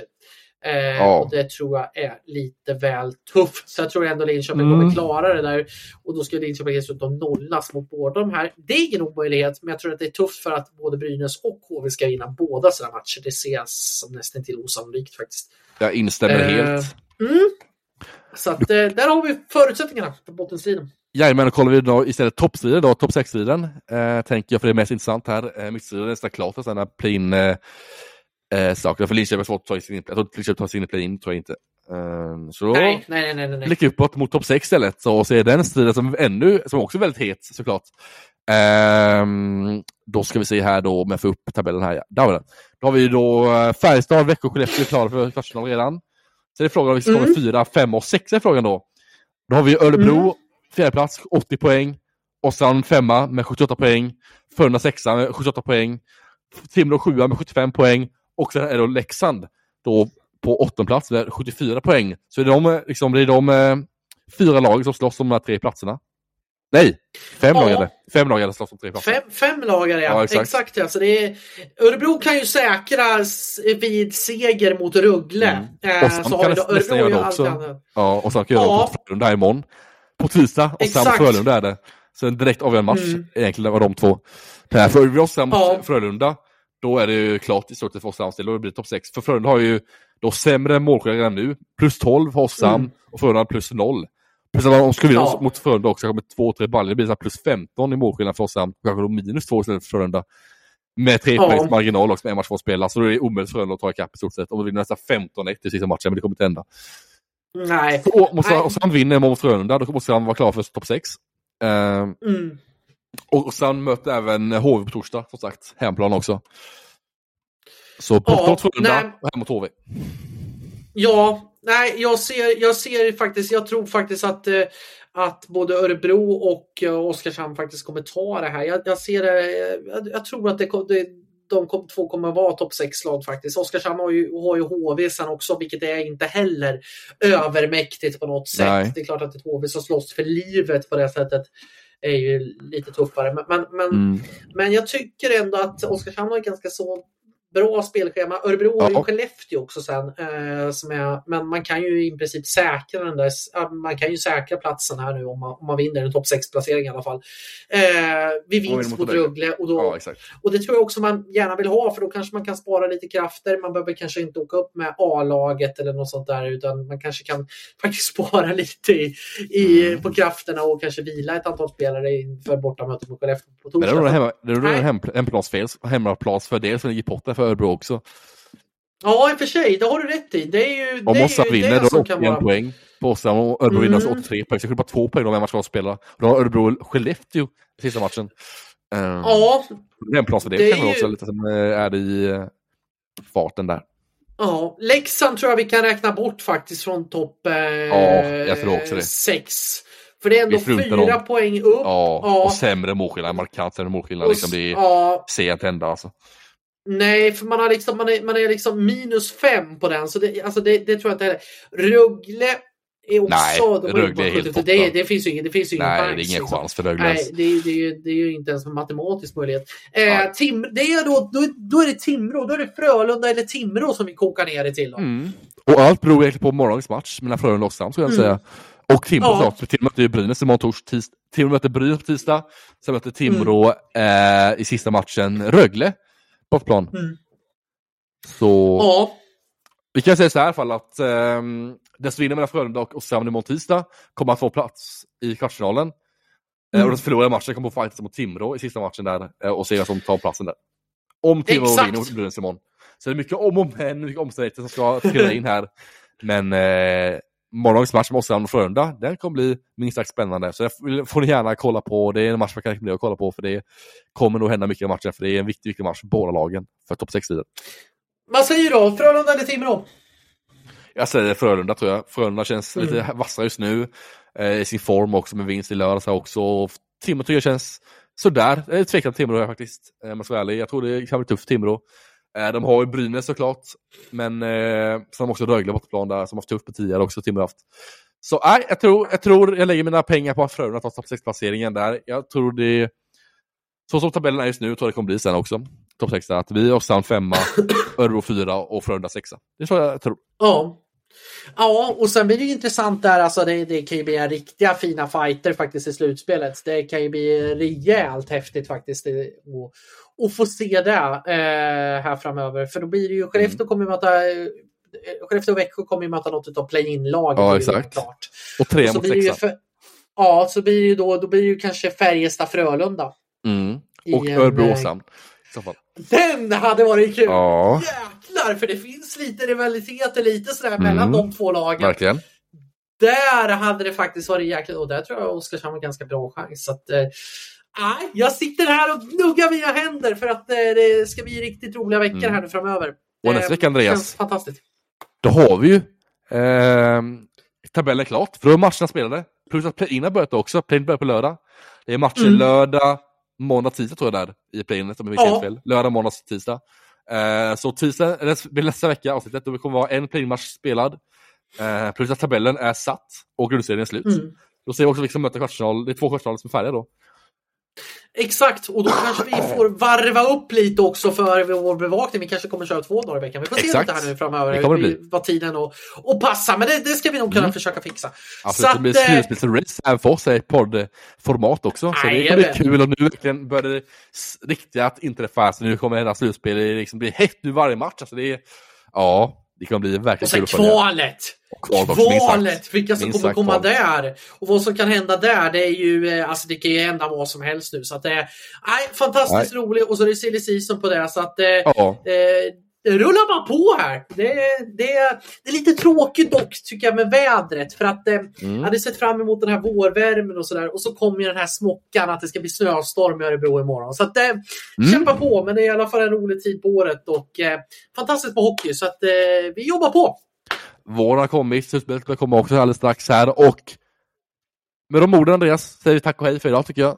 Eh, Och grattis! Vi måste säga grattis till Emil Ja, som faktiskt fyller 19 år idag. Så Så är får ni gratta. Gå in på eh, Twitter och sociala medier och allting. Gratta honom! Det tack, tack så mycket.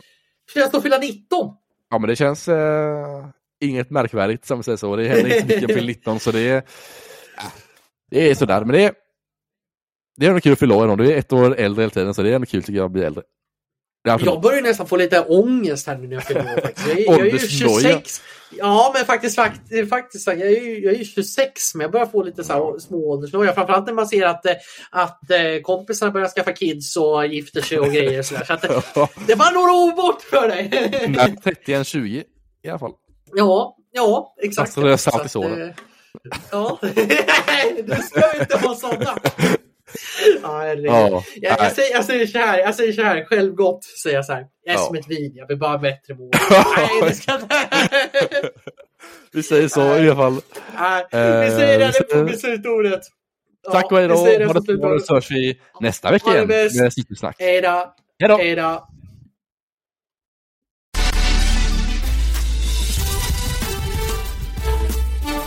thank you